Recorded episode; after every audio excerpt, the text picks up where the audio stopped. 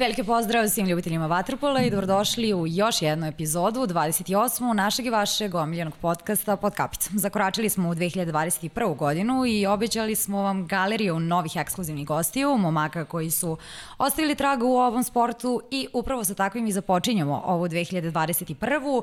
E, sa nama je neko ko pripada aktuelnoj generaciji najtrofejnijih srpskih vaterpolista, neko ko je osvajao svet do 2015. kada je doživeo pad, ali na našu sreću vratio se još jači, a i zadobili smo pa toliko pitanja, usijali su nam se telefoni, tako da možda je bolje da odmah krenemo, jer ovo će potrajati. Da, slažem se Marina, ja samo želim da, da svima, onako poželim svima zdravlja i sreću u 2021. godini, da neka bude uspešnija u, u svakom segmentu, a ti predstavi po našem dobrom starom običaju predstavi gosta da, da ne gubimo vreme. E pa dobro vam je poznato ko je sa nama danas, još jedan trofini vaterpolista iz Novog Sada, tačnije Sombora, ali svakako dijete Vojvodine sa nama Nikola Rađan. Nikola, dobrodošao. Dobar dan, bolje vas našao. Srećna nova godina e, vama, vašim gledalcima i želim da 2020. bude što pre zaboravljena, tako? Da, to se definitivno slažemo. Ja ću te na samom početku pitati, to je moje tradicionalno pitanje, kako ti se sviđa ovaj naš studio na kraju univerzuma? Vaš studio je totalno ovako uzbuljiv kad se uđe u njega i ima što šta da se vidi što je jako interesantno. Ne svakidašnje, meni se dopada. E, Nikola, hvala ti puno što si Grčku brzo zamenio našim studijema. Ajde da za promenu da aktualizujemo stvari. Kakva je situacija u Tini sa, sa grčkim šampionatom? Ostaješ li tamo? Jer vidimo da se pojedini igrači vraćaju u Srbiju, poput recimo Stefana Mitrovića. Kakvi su tvoji planovi? Jeste. Ja imam ugovor aktivan koji traje dve godine, tačnije dve sezone i očekujem povratak ubrzo treninzima.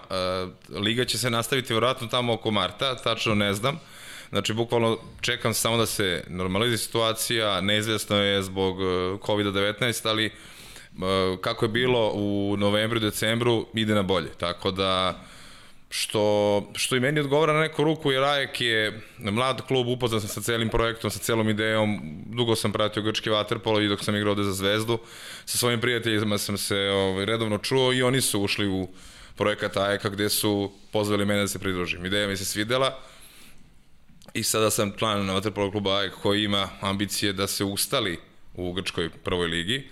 Kao veliko sportsko društvo što je jako bitno, oni se vezuju za futbol, basket e, i, i rukomet.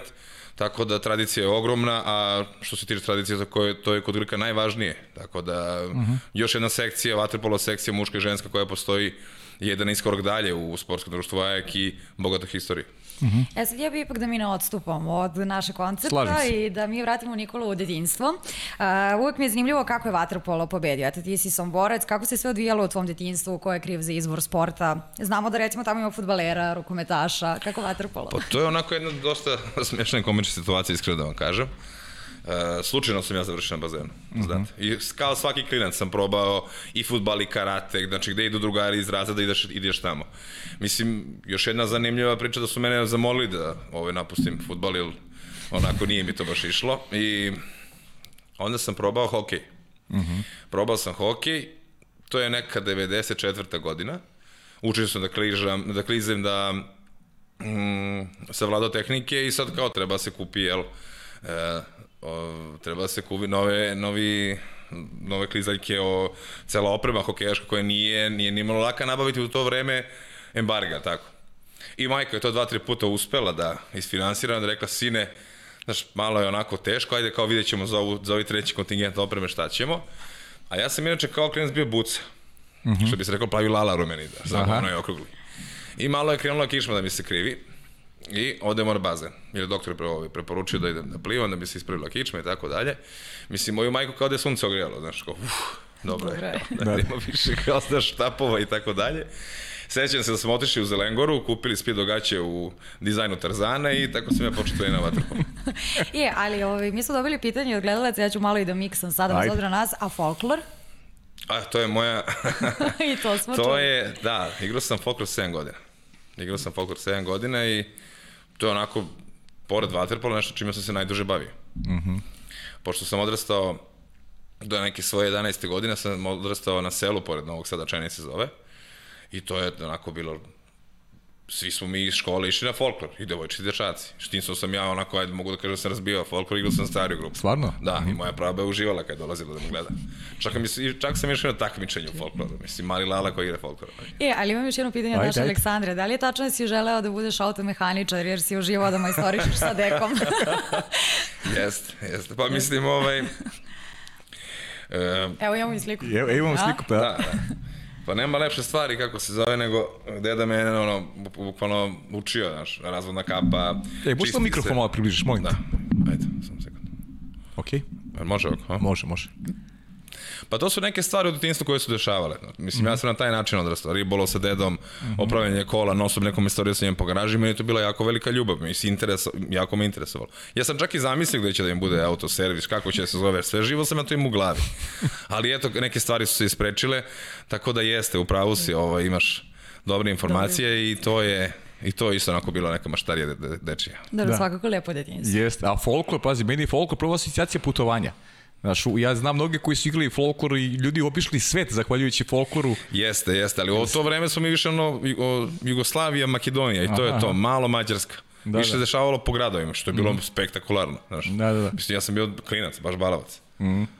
E, kaži mi, da li si, si bio redan kao klinac? E, Da li si sport doživljavao ozbiljno ili više onako kao zabavu, neku priliku da stekneš neke nove drugare? I, e, kako ti je škola išla, recimo, paralelno sa, sa, sa nekim treninzima i tim početcima? Pa vidi, uh, bezdano sam počeo da trenira vaterpolo i ta cela generacija koja se sklopila u Vojvodini 85. godište, gde je Duško, gde, gde je Bane Mitrović, gde sam ja, kasnije malo stariji Gojko Pjetović, Duškov brat, uh, malo stari Ćuk Ma, uh, Marko, pa Ćuk i Miloš, čak Slobodan Soro koji je još malo stari. Znači, to je neka, da kažem, neko razdoblje generacije koji su mi, uh, koje je Novosadska Vojvodina izbacila kao i još mm jasnih igrača nekih.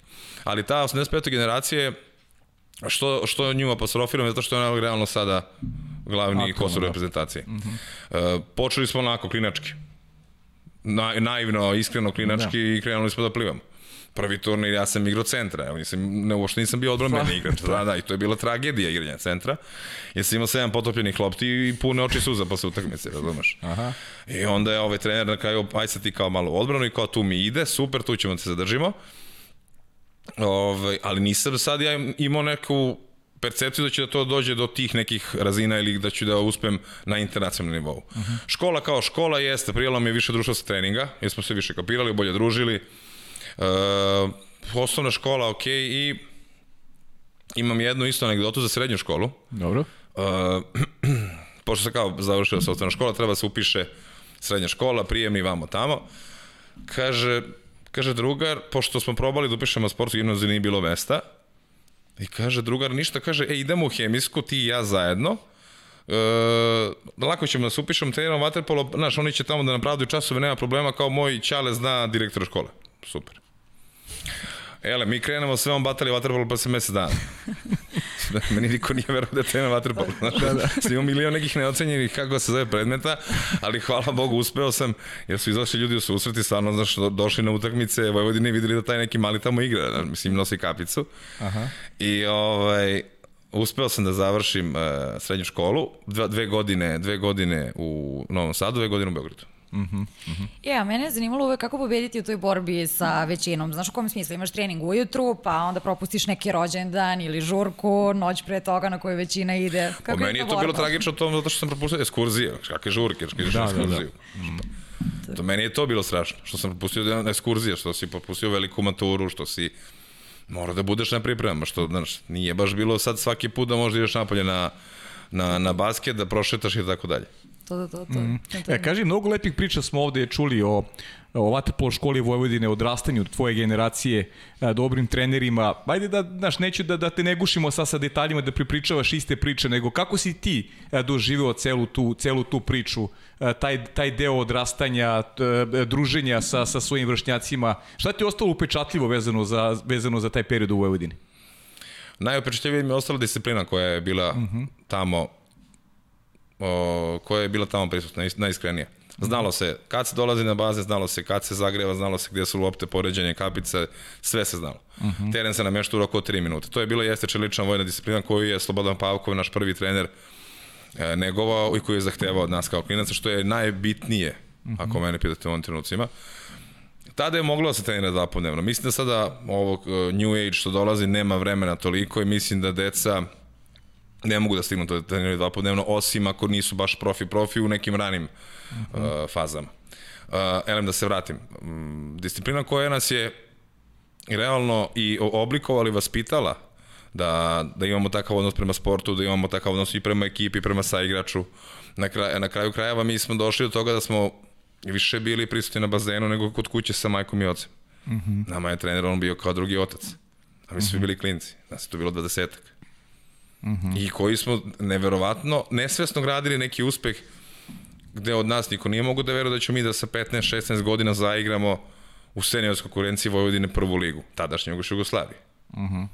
Što je sada onako nezamislivo nešto. Da neki klinci, petlići, onako, koji, koji nisu, koji su bili deca, evo sad igraju prvoligaške utakmice. I da, gde da. sa 16 godina do, dobijamo poziv velikog partizana u tom trenutku da pređemo u Beograd. Uh -huh. E sad, mnogi naši gledalci zanima, a vidjet ćeš i zašto ti to pitam, šta su tvoje tačno obaveze u ekipi kada govorimo o poziciji u timu?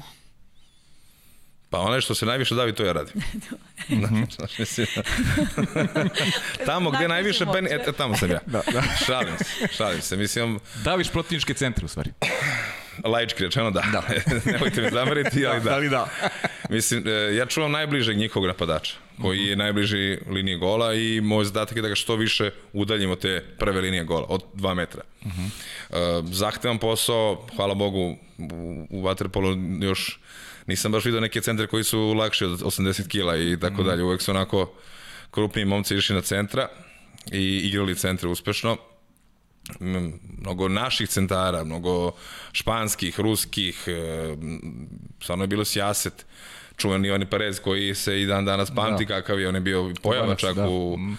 u, u svetskom vaterpolu jer je bio sa Kube je prešao da igra za Španiju i on je bio neverovatno... Kako si ga čuo, majke?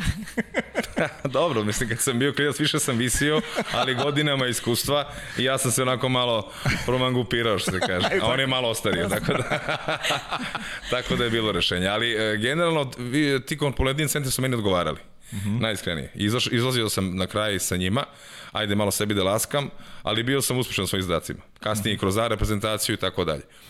E, odgovarala mi njihova igra, jer, ajde, nisam ni ja, ono, tikao bez korena, da, tako da, ima, ima i mene, ali, na primer, neku svoju karijeru ulaska u A reprezentaciju sam izgradio kroz igranje protiv Ivana Pereza, ne znam, Dobuda, Nikša Dobuda, mhm. Hrvatskog mm -hmm. centra, Igora Hinića i tako dalje i tako dalje. Mm -hmm. E, sam ima i razlog zašto sam te ovo pitala, evo sad ćemo da vidimo i zašto. Pozdrav za sve u studiju. E, Nikoli bi postavio jedno pitanje. Znam kad smo bili mlađi da imao želju da, da postane golman i da stane na gol. E, mislim da se čak nije ni usudio da pita trenera, jer je trener bio poprično strog. Pa bi ga ja pitao da li mu je žao što mu se ta želja e, nikad nije ispunila. Ćao svima. Pozdrav svaka čast Bane, to je baš izgled iz neftalina. Mislim, da. Bane je u pravu. Jeste, imao sam ogromnu želju. Mislim, to kao klinac pa se malo pronalaziš. Uh mhm. -huh. Imao sam želju da budem golman, ali nekako bi je strašno bilo da pitam trenera da li ja mogu da, da, da stanem na, na, na god da probam. Baš je bilo strašno. A ono, posle treninga sam potajno odbacao lopta, aj šutirajte i malo, ajde ovako, onako. Ali kao klinci, mislim, jedno pronalaziš se uh, mm -hmm. gde najbolje ti odgovara pozicija. Mislim, Bane je od prvog, od prvog dana stao među golova, je bio naj, najvišlji, imao naj, na, najveći raspon ruku. Ali ja sam onako, kažem ti, imao sam početak igranja centra neuspešan i onda sam se oko, oko odbrambenog igrača, to je zadnjih beka, vrteo. Malo je to onako u detinstvu bilo da te vuče da budeš golman, ali nisam pogrešio što sam ostao na beku. Uh -huh. E, još malo da te vratimo na neke uspomene. Evo, na primjer, na debi za Novoseđane, na Slanoj Bari se tada igrao ozbiljan vaterpola. E, na Slanoj Bari se igrao skoro, ali bismo igrali na Spensu. Kao na Spensu, da. Tako Spence, je, mi smo da. igrali kao klinci na Spensu, na Slanoj Bari je novi bazen uh -huh. i drago mi je što Vojvodin ima svoj bazen na kom može da trenira bez, e, bez problema. Mi smo na Spensu igrali i svi, meni, svi početci moji se vezuju za Spence. Uh -huh. I kako izgledao debi? Da se sećaš? Pa iskreno, ako imaš, ako imaš neku informaciju da si imak bolje podsjeti me, razumiješ? Ali, ali, ali, ali, znaš, sad ono... Uf. Pa, znam da sam... Uh, da smo, Du, Duško je pre mene ušao, uh, Gojko je već branio i ja sam možda ono, nakon dva meseca imao neki debit. Da li je to bila bečijska mladost ili bud, Aha. budanska rivijera, ne mogu tačno se setim. Ali takav je da bi bio neki. Onako, mm -hmm. što bi se reklo, kost u kost. Ajde, ko izvoli pa igre. Sad. Kost, kost u kost. Da, da, pokazi što znaš. Ajde, da, da. nema problema. Uh, Jel nema problema ili ima treme? Pa ima treme, treme kako nema treme. Yeah. Mislim, svako ko kaže da nema treme, daš onako, ne, ne priča istinu, ali okej, okay, svako priča šta, šta želi, ali trema mora da bude. Slažem se. Trema mora da bude. Jer svaki igrač, onaj koji je pripremljen za utakmicu, ako nema tremu, to što nije u redu. Ako Jest. ne preseče bar malo po stomaku, ako... Na što, ljudi, mi smo otkrili mesa.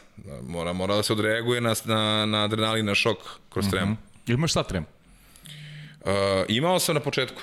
Mm -hmm. Imao sam na početku. Mm -hmm. Pa da, isto. Isto, isto. Imao sam na početku, sad mi je okej. Okay. Da, su, e, baš mi drago. e, a kaži mi, imao si samo 17 godina kada, kada je usledio taj prelazak e, u Partizan. E, da li je poziv e, velikana sa Banjice sam po sebi bio tebi garancija da vrediš i koliko si bio toga svestan? Kako se odvijela ta cela priča vezano za prelazak u Partizan? Pa mi smo ta, to je 2002, to je 2002, 2002. godina, e, otišli smo na evropsko prvenstvo za 83. godište. Znači, mm -hmm.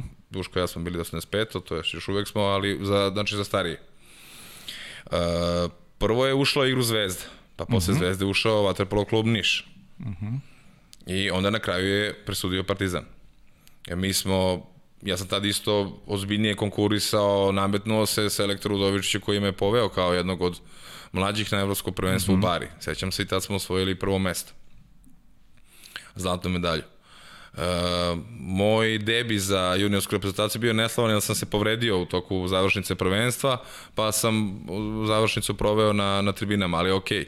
To je, to je bio na neki način debi i prvi put da se susrećem sa ozbiljnije sa reprezentacijom koja je tada bila sačinjena od, od crnogorskih i srpskih igrača. Mm -hmm.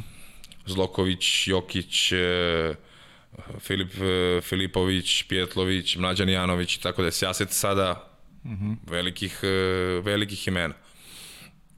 Mm, sećam se Igora Milanovića koji je došao na to prvenstvo i koji je razgovarao i sa mnom i sa Gojkom i Duškom i objašnjavao me šta znači prelazak u Partizan i šta znači to doći u svetsku vaterpolo školu i vaterpolo klub koji je šestostoki projekt Evropa u tom trenutku, mm -hmm. šta bi značilo za našu karijeru. Mm -hmm. Naravno, mi smo to prihvatili i, i nismo pogrešili sigurno jer smo dovedeni kao pojačanja te godine uh mhm. -huh. u aktualnu ekipu koja je bila šampion uh -huh. uh, Jugoslavije.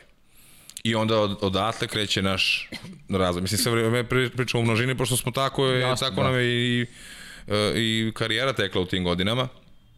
Došli smo u paketu, uh, u Partizan, I onako, meni, mislim, u tom periodu meni je bilo malo teže privikavanje. Sam promenio školu, uh, Uh, hemijska škola je bila na onom brdu i, i onako, šest meseci sam ja izgubio, nisam, nisam nešto bio redovan u školi, pa, pa su onda ovi uh, iz kluba videli da tu postoji očigledan problem, pa su mi skrenuli pažnju da, da prvo mora škola, pa tek onda sport, što je jako važno. A mislim, govorim iz svog primera, jer znam kako je kad se promeni sredina. Dete je došlo iz malog grada u veliki grad sam, uh -huh. 17 godina, nepunih 17 godina i onda sve to šok i sve to normalno u tim ajde da kažeš, dečje bolesti. Uh -huh. Ok, to se sa školom sve ustalilo i onda se nastavilo dalje i o, karijera onda kreće ozbiljnom uzlaznom putanju. Da. E, da te zadržimo malo na Beogradu, kako si ga doživao? Da li je adaptacija bila brža? Nego to je za mene bilo strašno. Ja kad sam morao da menjam tri prevoze, ja sam, sam kao dete sedeo i plako. Mm -hmm. Mislim, u Novom Sadu imate 12 12 autobusa, to je 12 linijskih prevoza koji znaju gde idu, nema presedanja. Da. Znači, sad kad ovde ima i tramva, ima i trole, ja, ovo šta sad? Aj, Mislim, i generalno se novosađani imaju to kao neki, neku famu od Beograda, što realno nije tačno, ali da, da. meni je adaptacija bila malo teža.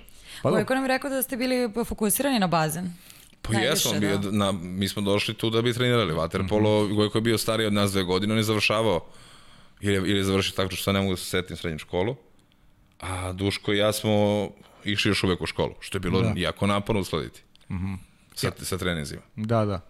A pritom Partizan nije baš finanski dobro stajao. Da li si pomislio u nekom periodu, pošto su mnogi, mnogi odlazili u Ameriku na studiranje, već tad, već vaše generacije polako su razmišljali o nekim drugim e, pravcima, e, trebalo imati i volju, izdržati nekad i da neka finanska situacija nije dobra, opet došao si iz drugog grada, kako si, kako si te neke momente lomio u, u, u svojoj glavi kao mlad čovek? Pa dobro, već kad si onako ušao u reprezentaciju, što bi se reklo jednom nogom, znaš gde se profilišeš. Uh -huh, uh -huh. Slažem se da to što govoriš je jako lepa inače stvar za Ameriku, jer momci da, da. koji nisu ajde, e, pro, prošli su, na primjer, neke juniorske selekcije, pripreme, kampove i tako dalje i nisu dobacili, ne znam, dok su hteli, dok su mogli ili ih je povreda ili tako dalje. Različiti, mislim, putevi se račaju u, raz, u razne pravce. Uh -huh. e, vaterpolo kao vaterpolo je i, i dobra stvar nekom da se desi u životu da bi ga odvela na neku drugu stranu, da bi mu olakšala studiju u Americi, da bi mu olakšala poznanstva i tako dalje. Jer sve mi uh, imamo prijatelje po celom svetu, putovali smo, igrali smo, uh, družili smo se. U tom trenutku ja sam znao da je meni cilj da uđem u moju reprezentaciju.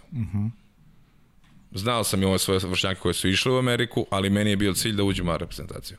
Da se već ozbiljno nametnem tadašnjem selektoru Nenadu Veneloviću, da probam da, da dođe do priprema. I to sam uspeo sa nepunih 18 godina. Da budem na pripremama, koji su bili onako širi spisak od nekih 30 i nešto igrača. Uh, I ja sam se pojavio na tim pripremama na banjici. I to je onako bila neka histerična odluka koja, što kažem histerična, sam ja bio u školi tada i moja majka je uletela onako kroz vrata i sine, Zvali su ti za reprezentaciju na usred časa. Da. Kao, blamiraš me, mama. Nemoj ovde. Da, blamir. I onda naravno kao za ruku i idemo na Spen, skupaju se nove patike, jesi idu u Beograd, razumeš, kao za nove patike i ideš na pripreme u Beograd. Da, da, da, ja. Lepo. Ali u punom smislu te reči si bio svedok sastavanja ove generacije koja je dalje najbolja na svetu i nekako kupljali se se u Partizanu praktično od tvog dolaska i selekcija iz godine u godinu samo dopunjavala se. Jeste, jeste. Devet godina sam proveo u Partizanu lepih devet godina nezaboravnih gde sam stasao kao igrač, da sam se oblikovao kao igrač i naučio sve što se tiče vaterpola. Onda se kasnije bila samo nadogradnja, sve ostalo. Da, to su to su te slike, ovaj bilo je bilo je jako lepo, bilo je jako lepo biti deo te priče. Mi smo mhm. uspeli na kraju da ispišemo istoriju Partizana, smo osvojili sedmu titulu prvaka Evrope. Jeste, da, pričat ćemo da je o tom. Da. da ali cela generacija koja je igrala za reprezentaciju, koja je činila kosu reprezentacije, ove, stasavala je u Partizanu. Da, neko se, De, Dejan Udovičić se nekako okupio kao trener pa Dejan Udovičić je, je imao, znači on je vodio 83. reprezentaciju Jugoslavije, kasnije je preuzeo reprezentaciju Srbije i Crne Gore 85. godište, koja je takođe imala neverovatan tim. Mhm. -huh. I e, bukvalno 60 igrača koje su igrale za, i za tu reprezentaciju bili su u Partizanu. Prlajinović koji je kasnije prešao u Partizan, koji je došao, mnogo igrača, mnogo mojih vršnjaka koji su igrali zajedno. Uh mhm. -huh. Su stasavali. Tako da je on to kombinovao da da generacija, da, da se provlačimo što kroz klub, što da budemo u reprezentaciji. Jel, je to stvarno bio pik da se neko, neko, neko, neko, nekolicina nas pojavi u A reprezentaciji, što se kasnije i obestinilo. Uh -huh, uh -huh. E sad, nekako su domaći trofeji u Partizanu u to vreme podrazumevali, ti si osvojio pet titula i isto toliko nacionalnih kupova, a koji ti je od njih najdraži? Ili neko našao neko posebno mesto u tvojoj memoriji? Jeste, titule sa zvezdom, mislim, ja sam zvezdaš i Ovaj, ja sam zvezdaš. ja sam zvezdaš i najviše mi prije titule sa zvezdom. Ovaj, tada kada je Partizan osvajao zvezda nije igrala, tako da su onda da. osvajali. -huh. Ali ovaj, šta da se radi, bila je takva liga. Da, jeste. A i to, znaš, mislim, ni to, ni to nije fair. Jer realno titula kad se osvoji mora da bude titula. Nije sad kao mi smo dobili Vojvodinu 11-2 i onda kao uzmemo Ja razumem šta pričaš, da. Znaš, okay. aj sutra se vidimo na treningu. Ali mora da bude, finale mora da bude finale. Pa makar to bilo i sa Ali okej, okay, takve su godine bile jer je se razdvojila Crna Gora i Srbija i onda je konkurencija bila slabija i tako dalje, da sada ne, da ne idemo u taj pravac. Mm -hmm. Ali što se tiče omiljenih titula, omiljene titula su mi sa Zvezdom, onim thriller završnicama sa Kragujevcem u, u onoj Ligi šampiona koja se desila na Banjici, titule prvaka Evrope. To su neke stvari što samo Zvezda ima. Ja, ja sam osvajao titule i sa Zvezdom i sa Partizanom, Samo Zvezda ima takve stvari. I to ne može se porediti. Da, Zvezdi ćemo tek pričati. Pa pričat ćemo, vidi, domi, dominirate, dominirate vi zvezdaši danas Mi u se studiju. izvinjavamo, ja sam ovako to, onako otvorenog sve, srca sve rekao. okej, ja, ja, ja to poštujem, da. I volim što si iskren. Uh, aj, vraću ti još malo, pri- pričamo još malo o Partizanu. E, b- taj period, recimo, e, zašto se razliku u odnosu na, na, na ove momke koji danas igraju? Igralo su to vreme i ta Euro Interliga, recimo. E, znali ste da odigrate po 60 utakmica e, tokom sezone. E, verujem da je to imalo i tekako uticaj da nešto se zove i vaše neko lično upoznavanje. Bili ste upućeni na druge, stavali ste zajedno, upoznavali se kroz igru, upoznavali se van bazena i sigurno i to doprinelo da, da generacija onako stasa u pravom smislu te reči. Pa to je platforma Partizana što je ona što je davala mladim igračima. Uh -huh. To je cela ta logistika. Liga koja se igrala sa Mađarima i sa Slovacima i Srpska liga. Uh -huh. I sve je bilo podređeno tome za Euroligu. Da, da. Da Partizan ponovo dođe u završnicu Euroligi. Uh -huh. I dugo, dugo godine je nama trebalo, se kaže dugo godina, to je par godina trebalo da se izgubi, pobedi, da se nauče, da se promeni ekipa, da se, da se stabilizuje da, i tako dalje, tako dalje. Ali to je to što je Partizan u, u, nudi u svetskom vaterpolu. Uh -huh. Neverovatan broj jednih mladića koji sa Savaju bit će jednog dana glavni, kao što se desilo. Uh -huh. Koji su nosioci reprezentacije, kao što se desilo. To je ono što Partizan ima. Znači, Partizan je jedini klub tada bio koji ima pripadnost, gde su sva deca nosila iste gaće, gde su svi da govorili dobar dan kad dođu na trening treneru. I, znaš, sva pravila, hijerarhije, ponašanja su se znala. Uh -huh. I to je bilo jako bitno za funkcionisanje jednog kluba. Sada neću da ulazim van bazena, što se tiče materijalnih stvari, da, funkcionisanja okay. i tako da ne bih da o tome da pričam. Uh -huh. uh, mogli su da budu bolje, ali to je sad prošlo i to je sad iza mene. Uh -huh. Uh -huh. uh, mi smo imali na, na raspolaganju uh, bilo bilo koji, uh, bilo koji termin na bazenu, bilo koji termin u teretani. Ja sam sećan da smo mi leto provodili na bazenima i teretanama jer smo hteli da ekstra napredujemo i treniramo. Uh -huh. Mi smo znali što nas čeka. E, to je, ona, to je ono kada ti osetiš što kao mlad igraš da treba još da uložiš u sebe, da treba još da se odrekneš, da treba još da se napneš, da bi ti se vratilo kasnije i da bi mogo da obuhvatiš ono što ti se nudi, je tako? Da, razumem. Ja sam mi ćemo zbog pa još malo ostati na Partizanu, jer kruna te neke Partizanove priče 2011. godina kada ste pod komandom Igora Milanovića osvojili titulu prvaka Evrope. Kakve iskustva imaš sa Igorom i kako se dogodilo da onako pretu, pretučete proreko? Pa ne, mislim, Igor je od prvog dana bio tu kad smo mi došli u, u Partizan, što on kaže, vi ste moje deca. Mislim, i upravo je kada to kaže, jer posle Dejana Udović došao je da Igor Milanović da bude trener. I on je no, u, u, uveo jednu novu notu i treniranja i odnosa, samog treninga, pogleda na sam sport, mislim čovek koji je Jordan Waterpola, ako mogu tako da kažem, jer najbolji ikada, najbolji na svetu ko, koji smo ikada imali Igor Milanović. Mislim, vi znate, ti sigurno znaš bolje, Pavle, ona špica Milanović, Milanović je bila neizbežna, da. tako? Čak i ja znam. Da, da, da, da, da. mislim, bez, da. bez uvrede. Da, pa mislim, tebi laska to u stvari, Da, to pošto, super. pošto ja to pamtim, taj Meni period. Mislim, uh, zbog čoveka su menjali pravila. Da, da. Neverovatno. Neverovatno. Tako da jedan, da kažem, takav fanatik je bio trener uh, Partizana gde, sam, gde je meni jako drago da sam imao priliku da s njim da radim. Uh -huh. Najbolje, najbolje uh, utakmice smo odigrali u tim godinama. Moje, fizička priprema, mi smo dobijali protivnike brutalnim rezultatima. Nisu, ljudi nisu davali, davali više od 3-4 gola. To je stvarno bilo onako sila, jedna koja je gazila. Opet kažem, uprava nije pratila taj moment mm. e, timski.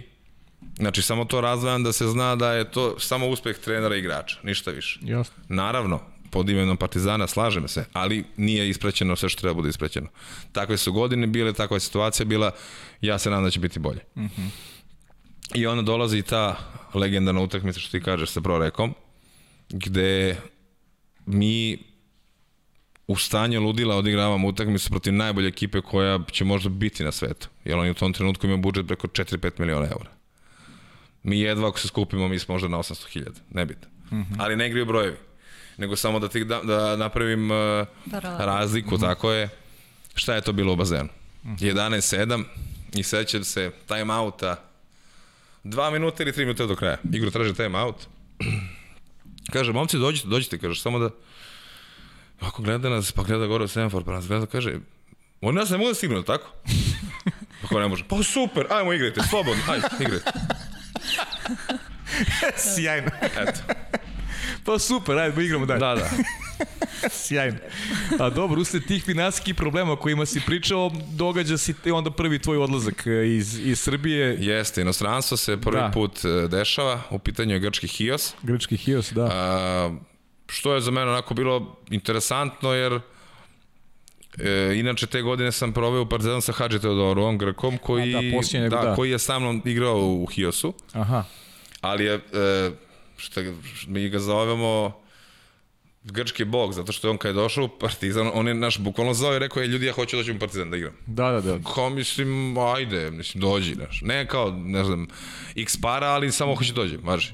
On je tri meseca bio u agoniji da se navikne na trening, na način treniranja. Aha. Koji nije, koji je van grčkog, e, celog načina. I on je rekao, ljudi, mi ćemo osvojiti ligu šampiona. Rekao, šta pričaš, Hadži, si normalno reče, januar mesec, polako bre, znaš, na koji imaš? Ma ne, ne, vidjet ćeš, vidjet ćeš, malaka vidjet ćeš.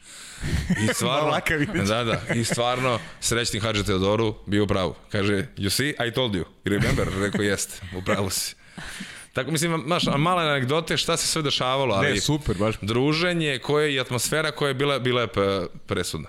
Mm -hmm. Za to sve u bazenu, za sva ta ludila u bazenu je a, presudna atmosfera i slačionica koja je bila najjača u tom trenutku. Ajde. Sad, Grčka, mene više zanima, ja uvek sve vas pitan kakav je život zapravo. Došla si na ostrovo koji ima istorijski značaj, da li je bio neki sadržaj se kvalitetno popuni slobodno vreme? Ovo je turistička ponuda Hiosa, sad treba pričam o tome. jel? Da. tako je, tako je, ja sam se prebacila. Da. E, samo ću te ispraviti. Hios je napravljen tako da smo mi trenirali i živeli u Atini, što je jako lepo i zbog toga sam ja prihvatio to. Uh -huh. Hios kao Hios je ostrvo 5 km od Turske, malo istorijsko ostrvo koji ovo, oni to neguju i tako dalje. E, Vlasnik kluba je jedan onako ozbiljan brodovlasnik i čovek, biznismen koji tradicionalno već godinama porodično imaju firmu i hteo da uloži Waterpolo, e, koji je sa Hiosa, inače on je sa Hiosa, a je veliki fan Olimpijakosa. Mm -hmm. Što vam to govori? To ću nastaviti pričati dalje kad sam došao Olimpijakos. Dobro, dobro. Vratit ćemo se posle. Tako je, Mo- tako ne, nećemo zvezdu preskočimo nikako. Ne, ne, naravno. Dobro. E, I mi smo živjeli u Atini, trenirali u Atini, samo smo odlazili na utakmice i vraćali se u Atinu. I zbog toga meni je bilo to super, život u Atini, 10 meseci sunce, 2 meseca nema kao sunca, ali to je 14 stepeni. Mm -hmm. Gde možeš bolje da poželiš da živiš? Yes. Mislim, realno. Slažem se. Tako da, ja volim Grčko, volim Atinu, to je bukvalno moj drugi grad posle Beograda i kao što Beograd napreduje i što Srbija napreduje, tako i stvarno i Atina napreduje i meni drago zbog toga. Mm -hmm. Imam puno prijatelja tamo, ljudi su stvarno preljubazni bili svaki put kad sam bio u Grčkoj, čak i dan danas. Mislim, ja gledam to kao drugu kuću najiskrenije. E, sad dolazimo na Marinu i tvoju omiljenu temu. Dobro. Uh, nisi zadržao u Grčkoj previše u tom momentu. Zvezda je pravila jedan ambiciozan projekat. Namestilo se to još sa nekim stvarima, na igranje prvo reka Tad u je, Ligi tad je šampiona. bilo 2012. olimpijska godina, puklo je tržište vaterpola. Puklo potpuno, da. Jeste. Jeste. Zahvaljujući prvo reku najviše rekao bi. sve, Da. svi ugovori su pali, nažalost, e, ti si imao u trenutku olimpijade, uh Mhm. -huh. od igravanja olimpijade imao si sedam igrača reprezentativac Srbije koji nisu imali ugovore, uh Mhm. -huh. što je strašno, realno. Jeste. I onda se dešava Zvezda, dešava se Kragujevac, hvala Bogu i mi pronalazimo gde, gde ćemo da nastavimo karijeru. I Dve dolaziš. godine u Zvezdi, uz domaće trofeje i titula prvaka Evrope, Super kup Evrope. E sad, kakve su uspomene? Utisak je možda nisi bili najjači po imenima, ali ste imali stvarno dobru energiju sa Dejanom Savićem i sve to bilo kako treba. Pa kada se, skupio, kada se skupila ekipa, to je bilo ozbiljnih igrača. 4-5 ozbiljnih igrača koje su činila i ono jako prvu postavu za respekt. I dolazi i klinci koji dolaze, koji su u tom trenutku ni ne možemo da provalimo koji im je potencijal. Braća Rašović, Ranđelović, Vapenski, da li sam nekog zaboravio. Hm. Ne. Da, vero, da, vero. Ali ovi sad što su u Zenitu, su to, sada, su, da. to su ti momci. Mm -hmm. Naravno, ne bi da izostavim bilo koga drugog, ali ti su se baš i, i pokazali, dokazali i iskoristili te dve godine na pravi mogući način. Mm -hmm. e, Dejan Savić je tu, sa kojim sam inače igrao i kojim je bio trener, pokazao neverovatno razumevanje igrača, neverovatno, neverovatno koliko ima obzira i, i koliko razume celu ekipu. Uh -huh. e, bilo mi je zadovoljstvo što nam je on bio trener i što smo istoriju s njim ispisali, jer to je bilo prava stvar da on kasnije postane trener reprezentacije. Uh -huh. Kroz tu zvezdu, 2012-2013. Uh -huh. I jedino je tada Dejan Savić skočio bazen, samo da vam kažem. Ne znam da li da ima tu ekskluzivu. Uh, ovo, ovo, ovo je ekskluziva, jeste. Dejan Ekskluziva. Savić je jedino tad skočio bazen, da znate. Da, dobro. Dobro si mi rekao da ga pitam to Da, ovih da, da, dana. da. Zašto je to prećutao? To je ekskluziva. Jedino je tad skočio u bazen, kad smo uzeli Ligu šampiona. Dobro. Uh, meni je bilo meni je bilo jako lepo tih godina u Zvezdi zato što prvo zvezdaš sam, drugo igram sa momcima sa kojima sam u reprezentaciji. Uh, da, da. Pa bili smo stvarno okej. Okay. Bili ste okej, da. Imamo, imamo neke slike koje ću ti poslati posle da znaš da imaš za, da, da, da, da imaš za svoju. Ovo inače od od uh, našeg dragog uh, kolege Andreja Čukića koji nam je obezbedio neke fotografije i postoju ti da imaš to i za ličnu arhivu. E, hvala puno. Hvala puno. E, neverovatna, neverovatna sezona u, u Zvezdi, prvo da 12-13, jer imate, imate u tom trenutku možda i najjaču ligu u Evropi, Srpska liga, koja je imala Partizan, imala je Kragujevac, Vojvodinu i Zvezdu. I sva tri, i sva tri tima su bila prejaka. Uh -huh. Tako da, e, te utakmice i, i, i, i te godine kakav je vaterpol bio, bio je bukvalno atomski vaterpol ovde u Srbiji se igrao.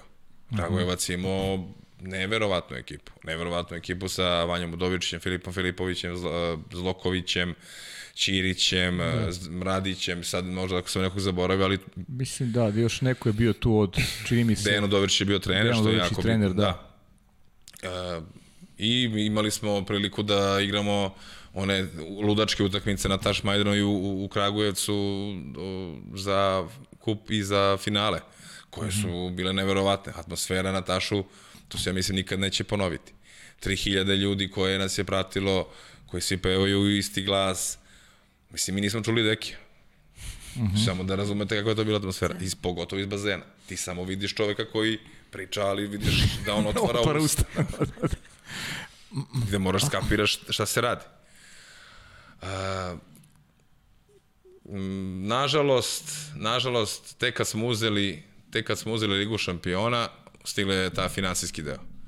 Mm -hmm. e, šta hoću da kažem? Mi smo imali strpljenja e, zbog nas, zbog ekipe. I to je ono najbitnije. Znači, ponovo smo se napravili iskorak dalje, ponovo smo se odrekli nečega, sastavili se, izgurili sezonu do kraja i uzeli Ligu šampiona. Mm. I onda stigla nagrada. Mm. O, to pričam iz jednog razloga, ne može stalno tako. Mm. Ne može stalno tako. I tako je bilo u Partizanu, tako je bilo u Zvezdi, nekad mora da se oklizneš. Znaš, ne može stalno. I, I onda ispada da su ovi svi ostali ludi ili što plaćaju na vreme ili tako dalje. Mm.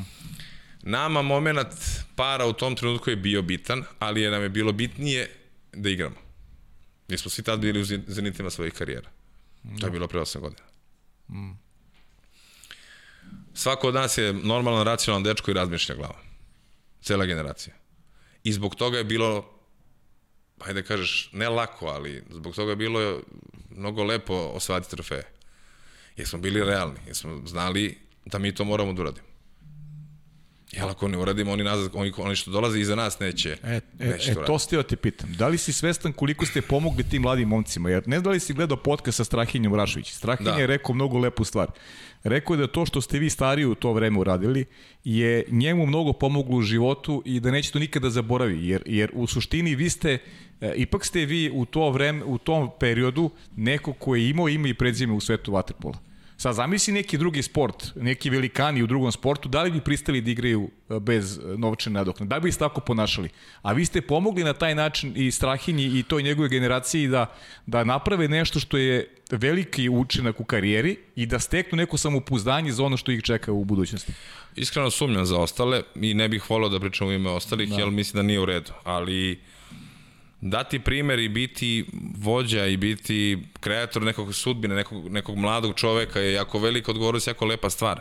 Uh -huh. Jer tada je Zvezda ušla u nešto što je možda bilo previše u tom trenutku, a nije htela da, da odustane.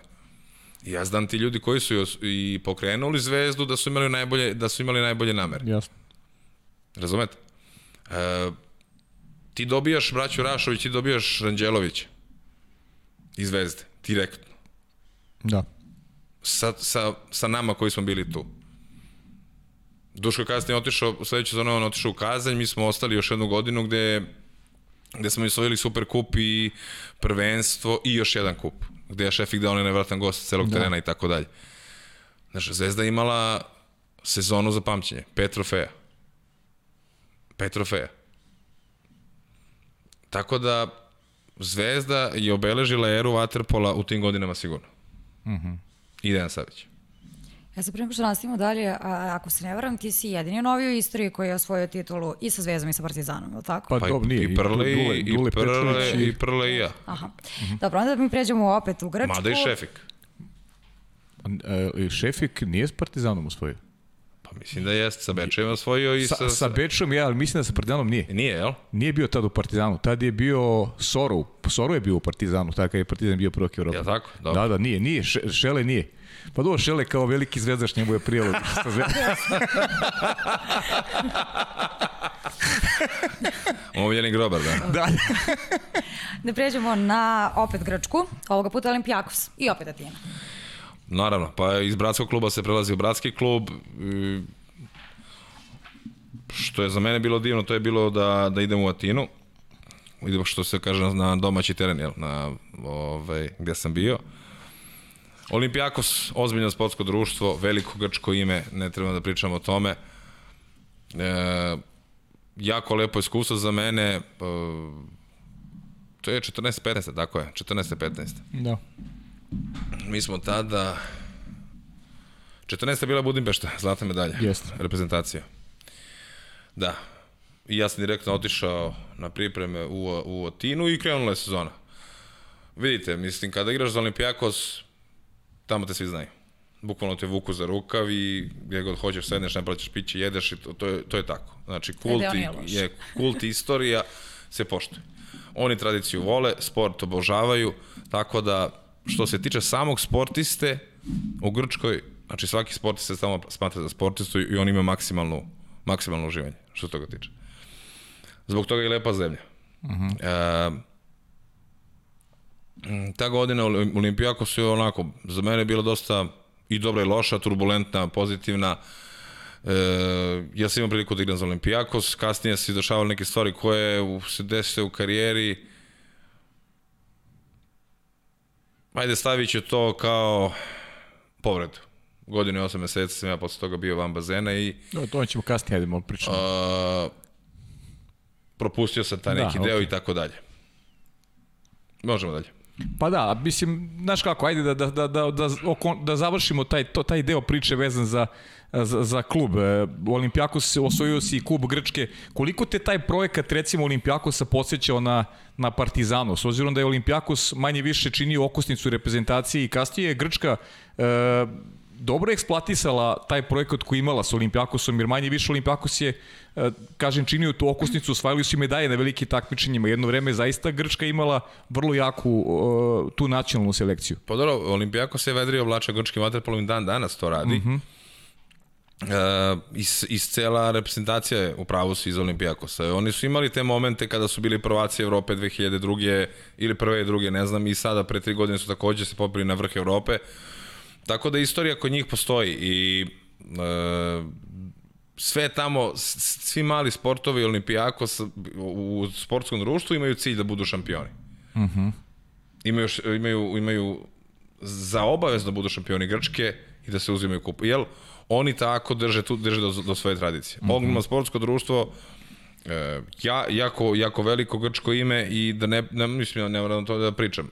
Po- Pogotovo što su i naši treneri takođe tamo ostavili jako veliki trag i igrači. Mm -hmm. Setite se, tamo je bio Nikola Stamenić, tamo je bio uh, Petar Trbojević, Slobodan Nikić je bio dosta u Olimpijakosu, pa sam onda došao ja i tako dalje. Posle mene Stefan Mitrović, Stefan Žino- Živojinović i e, cene nas prvo kao sportiste, kao vaterpoliste. A druga stvar, jako je veliki plus, plus kad si Srbin u Grčkoj. Ja bar imam takvo iskustvo. Aha, Što je prednost? da, da. Hoćemo te prebacimo malo u Moskovski Dinamo, ono što o njima znamo da je... Iz, iz leta u zimu. U zimu. Može izlet u zimu, da. Ono što njima znamo da je njihova škola najzaslužnija za manje više rehabilitaciju ruskog vaterpola. Pa znaš kako, Rusi se i dalje traže, oni su se izgubili tamo 2004. godine posle Atine i onda su i dalje se traže negde, znaš. Mm -hmm.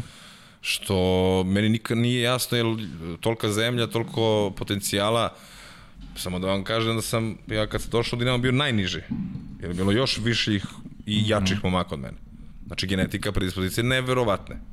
Ne samo Moskva Dinamo ili ekipe, nego kad vidiš mlađe kategorije kao da odeš u ostale gradove. Uslovi za treniranje, tamo je sve perfektno. Što je struka toliko slaba, ja to stvarno ne znam. Ja sam, mislim, čak sam i razgovarao sa Rusima i tako dalje. To je dosta onako, kod njih stihijski se radi, to je dosta podeljeno. Zbog čega je tako, ne znam, ali velika šteta je načinjena, jer stvarno Rusija treba da zaslužuje, jer jedna, jedna jako velika sila zaslužuje mesto u, u evropskom vaterpolu. Oni su se vratili kroz Dinamo. Postojali su na vaterpolo mapi. Mi smo čak imali i ubedljive role tamo, kao Dinamo. Dobili smo jug. Mučili smo svakog uh, uh, evropskog uh, ekipu. Takođe, Dinamo nije osvojio dugi niz godina rusko prvenstvo. Mi smo tamo uzeli dublo krunu. Što titulu, što, što kup Rusije. Da. Predivne dve godine, predivna zemlja, čast mi je da mogu i privilegija da mogu da kroz ovaj sport živim u nekim metropolama evropskim, da naučiš drugi jezik, da upoznaš drugu kulturu. Realno nema, nema, nema ništa lepše. A da je hladno, hladno je. E, to sam ih htjela te pitan, kakav je utisak Moskva, Moskva ostavila na tebe? Različite reakcije smo slušali kad je u pitanju o životu u Rusiji, pa šta bi ti podelio s nama?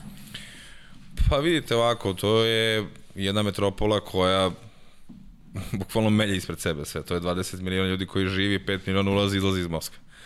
Bukvalno ritam života je neverovatan, ludački. Mm -hmm. Ludački. Ali i na to se navikneš. Mislim, i tamo smo se najviše vozili prevozom, što metrom, što taksijem. Jer nije uludilo se ne sada u auto zbog ogromni gužva, koje su non stop. Imate, Moskva je tako napaljena da sve radi non stop.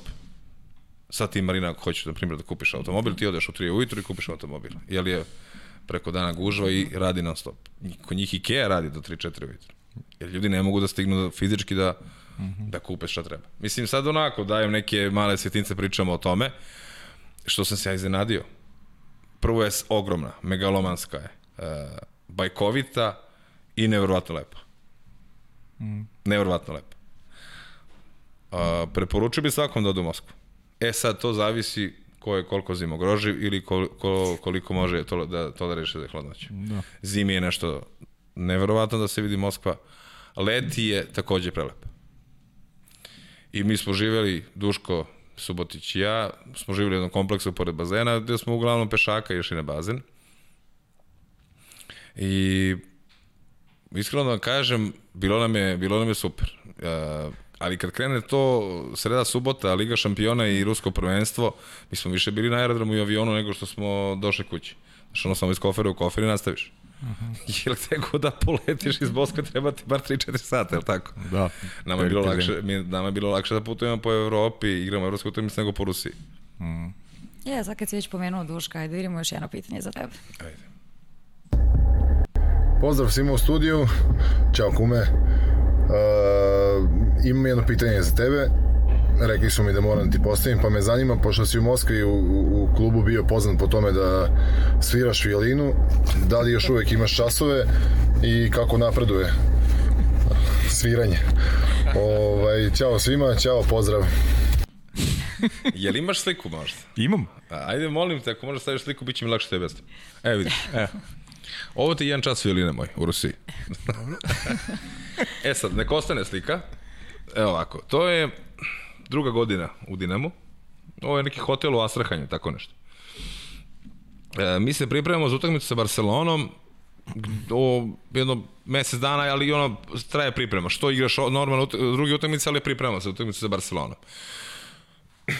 I sad, zahtevni su treninzi u Rusiji, traju dugo, mučno je to sve, znaš, to je ceo taj sovjetski mentalitet koji je prisutan dan danas. Mm -hmm. I oni iz toga ne mogu se otrgnuti, ali okej. Okay. I to preživljavaš na neki način. Ja sam to preživljavao tako što sam na treningu, kad imaš to šutiranje od nekih 45 minuta, kada Dan Go svira violinu. Proslavljao gol na treningu što, tako što sviram violinu.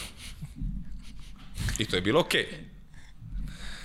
Mi smo izgubili utakmicu u Barceloni, bio je sastanak posle utakmice malo neprijatan i onda je trener onako pojedinačno išao, išao i ovako došao do mene, a ti što sviraš violinu mesec dana, ne možeš daš go. Znaš.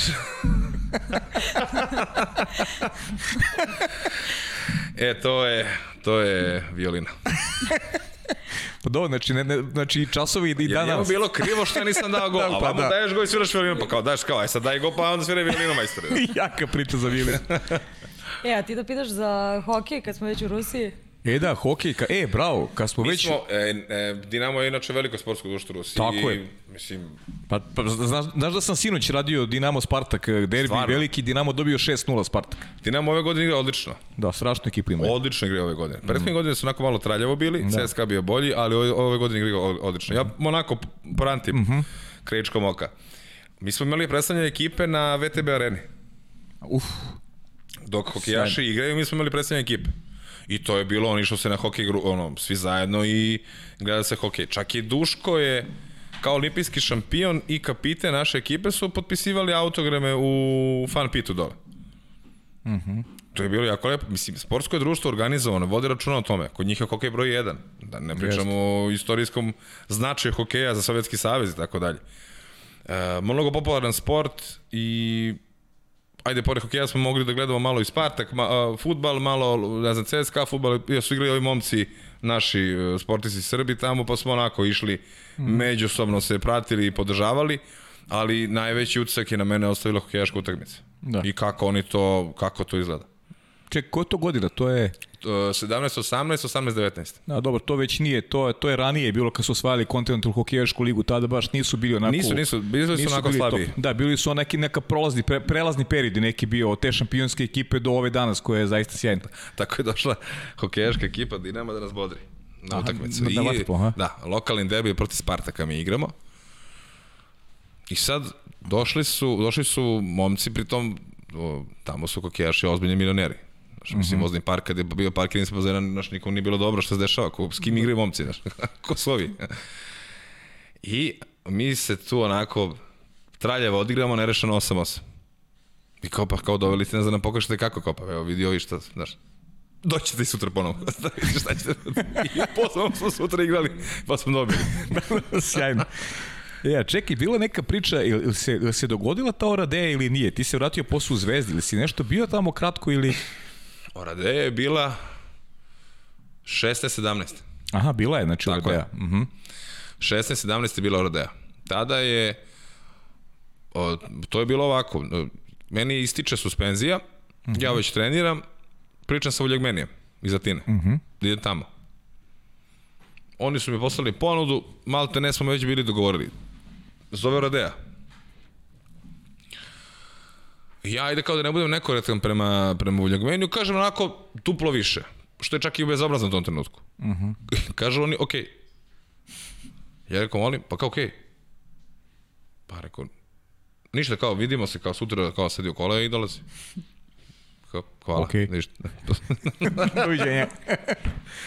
Tako se desilo Orde. I onda sam proveo tamo nekih šest meseci, polusezonu, gde je kasnije, mislim, realno ne može se da se poredi ponuda Dinama i Oradeja u tom trenutku koja je znatno bolja Liga šampiona, Jasno. finanski uslovi su bolji i sve ostalo, gde su ljudi imali razumevanje iz Oradeja i pustili su me bez neke oštećenja, nego su rekli, "Na, Nikola, naravno, razumemo, hvala na svemu, rastali smo se kako treba i ja sam nastavio sezonu u Dinamo. Da, da, super. I onda imamo još tu jednu godinu sa Crvenom zvezdom, opet, opet Sigorom Milanovićem si, si sarađivo. Kako se to dogodilo? Jeste, to je bila, pa, ideja je protekla posle uspešno organizovanih četiri godine kampa, number one, Hm, Pričat ćemo, aha. Da, i onda smo sarađivali, što sa Igrom Milanovićem, Dejanom, svim našim najvećim imenima smo sarađivali kroz kamp number one.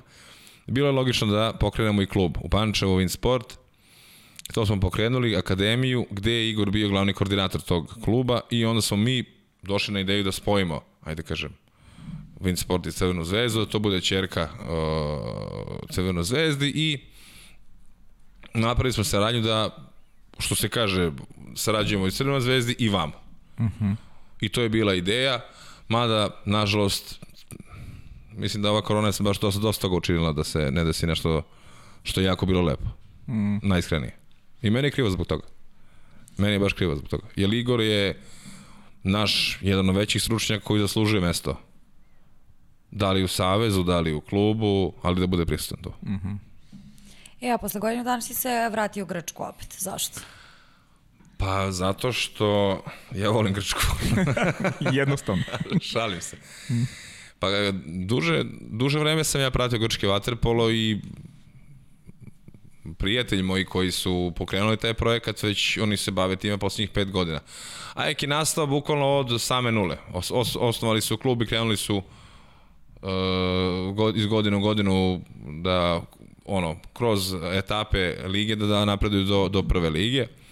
Svidao mi se projekat, čuvao sam se sa njima i ideja mi se svidela tako što sam prihvatio uslovi i otišao da pomognem ajde da kažem, razvijanju jednog novog kluba koji ima jako veliko ime i koji ima jako veliku istorijsku značaj za, za, za Atinu. Dogovorili smo se da sarađujemo na dve godine s tim što oni žele jednostavno da ajde da imaju neko kao ja koji može da im pomogne u ostalim stvarima. S krojenju neke akademije, rada sa mlađim kategorijama, uspostavljanju odnosa i tako dalje. Kažem, ceo projekat mi se svideo i iskreno kažem, vidim sebe i prija mi, prija mi uh, sadašnja atmosfera i kako se odvija u Atini. Ajmo sad idemo na reprezentaciju. Uh, bio si član te juniorske selekcije koja imala mnogo uspeha, osvajali ste medalje na velike takmičenjama i negde još tada je najavljeno da će ta generacija biti dominantna. Malo si u nekom uvodnom izlaganju to i napomenuo, pa ajde eto da se da se možda posetiš nekih nekih e, e, da kažem okupljenja koji su tebi bila važna u, u, u tom periodu. Pa sigurno ono kada je Keva eksterisala u učionici. Da, u učionici, da. da. O, to je bilo onako to je bilo, aj šalo na stranu, to je, to je jedno, a druga stvar, kada sam, kada sam ušao u reprezentaciju za 83. godište, koji je vodio Dejan Udović, dve godine starije, u pitanju mm. tada Jugoslavija još uvek bila, i kasnije neprikostovena 8-5 generacija koje je takođe vodio Dejan Udović Srbija Crna Gora, jer ja, men, ja ne sjećam se da smo imali jednu izgubljenu utakmicu. Sve što smo mogli, da svima osvojili smo. I mislim da tvoja generacija recimo pobeđivala redovno Mađarsku tim juniorski, da Mađari nikad nisu uspeli. Pobeđivali redovno Mađare i Hrvate. I Hrvate, da. Mislim što bi se reklo stalne mušterije su vam bili. Da, da, da. Mm. Da nemate, mislim da nemate čak ni jedan poraz od, od Mađara i Hrvata. U, u nizu od četiri godine mislim da nemamo ni jedan poraz. Mm -hmm. Uopšte. Uopšte. Znači, ustane nas, probude nas iz kreveta 3 ujutru, mi smo pobedili. Da, da. No je to je na tom nivou bilo. Da, da. Sjajno. E, a sećaš li se tebe bio za državni tim? Ko te je zvao? Kako ti je izgledalo? Za seniorsku reprezentaciju? Da. Može neka pomoć prijatelja nešto. Pa, pa, pa, pazi, ovde, ovde sad nećeš i dobiti baš kad, kad pričamo o datumima možemo te provedemo kroz eh, prvo veliko takmičenje, ali to ćemo da ne, pričamo. Ne, okej, okay, ali mislim da je to bila Svetska liga 2006 u Novom Sadu. Uh mhm. -huh. Svetska liga 2006 u Novom Sadu, tad sam prvi put, da kaže, debitovao za reprezentaciju. Uh mhm. -huh. Jer tad se dešava da smo mi 2006. bili na pripremama sa Crnom Gorom, pred, pred Fina Kup, igrali smo Fina Kup kao SCG i onda se odvaja ovaj, Srbija i Crna Gora i mi igramo samostalno na na Evropskom prvenstvu u Beogradu. Tada mi, tada, tada mi je bio debi za reprezentaciju. Mm -hmm. E, onda prve olimpijske igre, to je Peking 2008. Osvojena bronzana medalja. Da li je moglo više, kako si doživao ceo ambijent? Pa prvo je, prvo je za mene jako bilo bitno Malaga, evropsko prvenstvo, gde sam, yeah. gde sam igrao. Mm -hmm. To je isto... Da, da, to, to gust, je evropsko, da. da. Gusto je bilo tih, tih, tih godina, iskreno. Pa da, kažem. ti si jedan od onako iz prvih od generacije koji igrao na, na, na tim nekim velikim takmičenjima. Tako je. Jer to je bila svetska liga, pa onda evropsko prvenstvo i olimpijada. Što je mhm. Neverovatno pronaći ritam, spremiti, odmoriti, rehabilitovati ekipu za tri velika takmičenja, a u toj olimpijskoj godini. Mi smo osvojili srebro, čuveno srebro iz Malage gde smo izgubili od Crne Gore, oni osvajaju zlato. E, meni je to prvo veliko takmičenje za seniore gde sam skupio onako jako veliko iskustvo, imao jednu jako veliku odgovornost i tako dalje. Ali sam dostojno opravdao ulogu svoju u uh -huh. toj mhm. ekipi i zasluženo otišao na olimpijske igre u Peking, jer uh -huh. e, evropsko prvenstvo je bilo 13 plus 2, koja dva sede na tribinama i oni mogu uh -huh. da se menjaju, ali na olimpijskim igrama je 13 i to je to, ne mogu da Zakuceni. se menjaju. Tako je. Mhm. -huh. Prošao sam na olimpijske igre, naravno, to je za mene bio nevrovatan osjećaj. Mislim da olimpijske igre stvarno moraju da se dožive. Ja sad mogu da vam pričam ovde, da metaforišem i da dižem u nebesa, ali to stvarno mora da se osjeti. Jer vi bukvalno ste tada jedan od svih 15-20 hiljada sportista koji postoje najboljih na svetu, živite zajedno sa njima, jedete, funkcionišete i tako dalje. Olimpijske igre ja imaju jako veliki uticaj, kod, njih, kod nas duh olimpizma nije toliko raširen i nije toliko popularan kao u ostalim zemljama. Imao sam priliku da igram i da da vidim reakciju ljudi kada, kada im kažeš da si ti osvajač olimpijske medalje, a ne učesnik. Mm -hmm. To je duboko poštovanje i tako dalje. Ok, to će se kod nas verovatno godinama promeniti ili neće, tako dalje. Ali olimpijske igre su sigurno san svakog sportiste i mislim da je to nešto najlepše što može da sportista doživi u svojoj karijeri. Pogotovo i ako se popne na, na podijom za medalje. E, kad si već spomenuo tih 15.000 sportista, ali ti možda upoznao nekoga ko ti je u mladosti bio idol ili kome si se divio? Si jurio neko za, za, za auto? A ja nisam imao to. Meni je Nisi ja? bilo, nešto bilo glupo sa ga smaram tamo. A, je li tako? A? Jeste. Evo iskreno kažem. Ali smo, na, evo srž, slušaj ovo, sad anegdota, kad smo uzeli bronzanu medalju, proslavili smo to u nekom klubu, S, pored nas je sedeo gitarista Jimmy Page, a pored njega, znači, evo mi sad mi tu sedimo viseći sto, tu smo mi, pored nas je Jimmy Page, a sa Jimmy Pageom je Dr. House, mm -hmm. glumac, koji u tom trenutku je anonimus, totalno mi ne znamo ko je, i malo nas smeta. Da. Znaš, i mi smo došli na Jimmy Pageom, slikamo se pošto je on svirao na zatvaranje olimpijskih igara u Pekingu. Mm -hmm. E, s njim se slikao. Sa Jimmy Page? Da. A, bravo. Eto. Znači, ne sa sportistom, nego sa gitaristom. Da. E, a e, vidiš kako su mi ti interesantne te priče, idemo... Ja bih sad još pričao o olimpijskim igrama u Pekingu, ali da stignemo sve, idemo u Rim 2009. godine i... Samo da napravim Ajde. jednu malo, malo paralelu.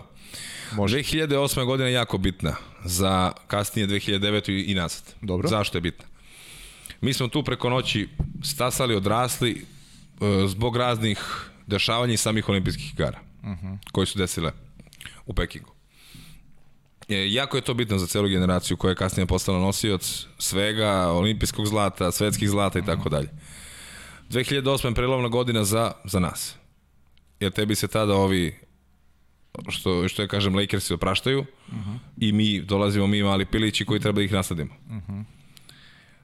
Imali smo priliku da vidimo kako treba i kako ne treba i zato je 2000 godina bila pro, prelobna za nas, a niko ništa nije očekivao da mi možemo da budemo svetski prvaci. Uh -huh. A mi smo verovali u kolektiv, verovali u tim, znali smo kolika je snaga uh, tima, kolika je energija. Sa Vanjem Udovičićem vođom, Filipom, udarnim iglama, Filipom Andrijom, Tuškom, Žiletom, Bobanom, Mićom, Mitrom, sa mnom, Avrom, Gojkom i tako dalje, tako dalje. Ako sam nekog zaboravio, ja se vinjam. Slavkom Gakom koji je tad bio isto takođe. Uh -huh. Otišli smo stihijski, vratili se kao svetski prvaci. Da, o, o, ispraćeni ste Stihijski. Baš, pa ne, des, Blago rečeno stihijski. Blago rečeno stihijski. Baš kao, kao da čak je, ne čak je posle takmičenje. grupe, posle grupe, u grupne faze takmičenja bilo možda je ovo realna slika Srbije. Vaterpolo reprezentacija. Uh -huh. I onda ide osmina finala, četvrtina, polufinala i finala. Još taj detalj koji stalno apostrofiramo bez igrača u rotaciji. Bez Stefana Bez Mitrovića. Stefana Mitrovića koji se razboljeva, mislim da protiv, posle Italijana. Pa to je negde na početku. Ili ne, ne mogu tako nastaviti. Da Ja mislim igrali... na početku, u, još u, u onoj uvodnoj fazi takmičenja, pre osmine finala. Tako je, 17 igrača smo igrali to. Sa 11 igrača Ili pre osmine finala. Sećam se da, da sam utakmicu četvrt finala sa Mađarima igrao coast to coast i centri beka. Jer su mm. Duško i Nikić dobili po tri lične. I mi smo ušli po dužetki. Nije imao ko da igra centra. Ti ćeš, nema problema. I onda ideš onu e, neverovatnu ružnu sliku gde mene Biroš kida pola lica da me napravim na džokera kad mi kapicu hoće da mi skine, razumeš? Da, više to, to, To sam ti poslao, ako ne znam da li režim može to da stavi. Da, bravo, bravo, bravo. Vidjet ćemo da Vanja, Vanja će to da, da Vanja će to da nam pripremi, da. Mislim, to je takav umor u životu nikad sam osetio. Ali vidi, to je sve bilo okej. Okay. Igru si centra, a i čuvo si njihovog Ne, centra. i- da, čuvaš njihovu centra i da u napad na centar. Na centru, da. Tako je. Užas. Sve u jednom. Da, da. Batira, znači bilo ko hoćeš. Pa, ko ja? Mislim i sa jedne i s druge strane. Pa jeste, vidi, to još je bio neki termin u 3 popodne 4, znači gori, gori Rim. I mi igramo utakmicu gde je u igri polufinale svetskog prvenstva. Uh -huh. Mađari je ozbiljna ekipa, mi ulazimo u problem sa ličnim greškama, ulazimo u produžetke i nema šta. Mora da se igra. Bilo koga nema, mora da se zameni, mora da se nadomesti to. Mislim, tu nije stvar izbora, nego mora se. I tako se igralo. Da, To je ta 2009, 2008 si rekao da je ključna za stasavanje, a 2009. u tom rezultatskom smislu je pokazivanje. pokazala Već je pokazivanje, da. Već je pokazivanje. Znali smo Da znamo čega možete. smo. Da, da, znamo od čega smo, a i da mi da vidimo koji su to limiti i da li možemo da ih probijemo. Mm -hmm, a mi smo ih probili. Jasno. Ja, pre nego što odemo u Šangaj, kako je bilo na proslavi 10 godina od Rima? Je, bilo je super. Če pogledaj slike. Hoću. Čekaj samo sekund. to je meni dok Vanja traži ovo. Da. Čekaj, da li sam u postu, ja mislim da jesam. Ovo je podcast, možemo malo da budemo opušteni. Ma ne, mislim, šta, ne moramo da budemo sta- stalno formalni nešto. Ne moramo, ne, ne, i nismo formalni uopšte. Ja jedina ne držim telefon sad. Da, Meni je Pavle rekao da mogu staviti telefon. možeš, Može. možeš, tako je. Sve može. Nama tek treba, jer smo toliko pitanja dobili i ona samo pristižu. Pa ajde ti dok ono, ne možemo da govorimo neka pitanja, da ubacimo malo šareno da bude. Joj, evo, na što mogu samo da ti kažem, da Reci. sam, ovaj, da sam imala toliko muških pratilaca i da sam zahvaljujući tebi dobila toliko ženskih. znači, Ništa, poslat da će sa ti žiro račun, pitanjima- To što sam ti ispromovisao To Instagram to, nalog, to, jel? To, tako je, tako je. Pavle, ovo ulazi u ili... Ne, ne, ide, ide, sve, Da, sve da. ide, sve ide u, sve ide u emisiju, znaš. Ja sam ranije imala zbog, ovaj, zbog posla i tako da kažemo i futbala i svega što radimo muškarce i onda si se ti pojavio i sad samo žene šalju pitanja. E sad to je ovako izgleda. Sad, evo, E. ja, sad naši gledalci ne mogu da vide, ali znaš, to sad ovako nešto. Ovako je bilo. Pa lepo to izgleda. Samo sekund, ove čerkice na krizaljkama. E, evo nas. To je to. E sad možda okreneš i ovako, ali poslaćemo Vanji pa će on naknadno ubaciti. Da. Kao sa Tamo. Evo sve. Pošalji mi, na, pošalji mi na, na, na Whatsapp da možemo da ubacimo da se vidi. Evo odmah. ćemo da ubacimo. Tako je. Evo odmah. E, a do tada, ovaj, Mislim, ostaćemo. da znaš da je velika razlika, Pavle. Jeste, godine, da. Pa dobro, 10 Poslaću godina. ti sve ove slike, a 10 imaš... godina je prošlo kao trener, kao kažeš Toni Da, Montana. da, da. Evo. Je, dok vi razmenjujete, ja ću ipak ostaviti pitanja gledalaca za kraj. Nekako Tako, je ajde, to ajde, ajde, idemo, idemo, idemo na taj šangaj, ajde. Jer mene sad zanima da, eto, to je šang. Dve godine kasnije. Nisam Pa čeka uspela- proslava, kao sad gledali smo slike s proslave i A zavrtali pa smo ja album, ne smem da ti pitam za anegdote, ako hoćeš ti da ispričaš Bila je kako je to proslava, sve super je izgledalo. bilo, pojeli smo sve što su izneli i nismo se obrukali i E, eto. to je najvažnije. E, ako se niste obrkali, onda je super. Eto. A vidi, jako je, jako je lepo kada smo posle 10 godina seli i evo celi uspomeni. Znaš, sad mi ceo život se zajedno družimo i neki dan danas igraju po klubima. Realno, mi smo sve priče ispričali. Ali anegdote su, ne znamo. ane, pa da, ali anegdote su jako bitne koje su dešavale. Pa se posjećamo, pa se smejemo i tako dalje. Ili imaš neko koje ti prvo pada na pamet? Ne, koji bi smeo, Evo bi smeo da podeliš sa nama, znaš. Da, da, ovo je onako- onako blaga vaterpola fotografija. Jest, jest. Da, to je ta čuvena slika. Dobro, dobro si mi je podsjetio da, da je, da je pošalje Vanje. Evo, ja sam mu sad tek poslao to u stvari. Aha, aha. Dobro. Mi Vanja krivo. Nije Vanja kriv, ja sam. Priznajem. Hoćemo da pređemo dalje ili imaš neku anegdoticu koja ti pada na pamet? Sa proslave? Da, za, da začinimo. Da začinimo taj Rim koji je stvarno negde iz mog ugla obeležio. Ja se sećam, sećam se e, kako sam ja gledao taj turnir. Znaš, ono, kad, kad, kad si skeptičan prema tome da li nešto može da se dogodi, a onda vidiš iz utakmicu utakmicu kako jedna ekipa kako jedna ekipa ne da raste, nego prosto u tim nekim presudnim momentima pokazuje da, da, da, da je onako skovana od, Od nekog... čega smo? Bravo, baš čega od čega ste. Bukvalno od baš čega od čega ste. Znaš, da smo skrenuli pažnju na sebe, da su to neki momci koji su došli iz drugog plana, da su oni šampioni sveta. Da. Znaš, kugla i mi kao. I to je to. Emotivno slavlje. Uh, najemotivnije nešto što sam u životu doživio je to što kad smo prošli otvorenim autobusom kroz Beograd. Znači, kao da smo došli iz rata. Ne da je Bože, iz 95. 6. one. Stoje ljudi krste se. Plaču. Doček na skupštini. Ljudi moji, nema, nema, nema te emocije koje ne možete pokrene. To je nešto najlepše što, što se može doživjeti. Kada si heroj svog naroda. Da. E, mi smo bukvalno bili ti heroji, novi heroji našeg naroda.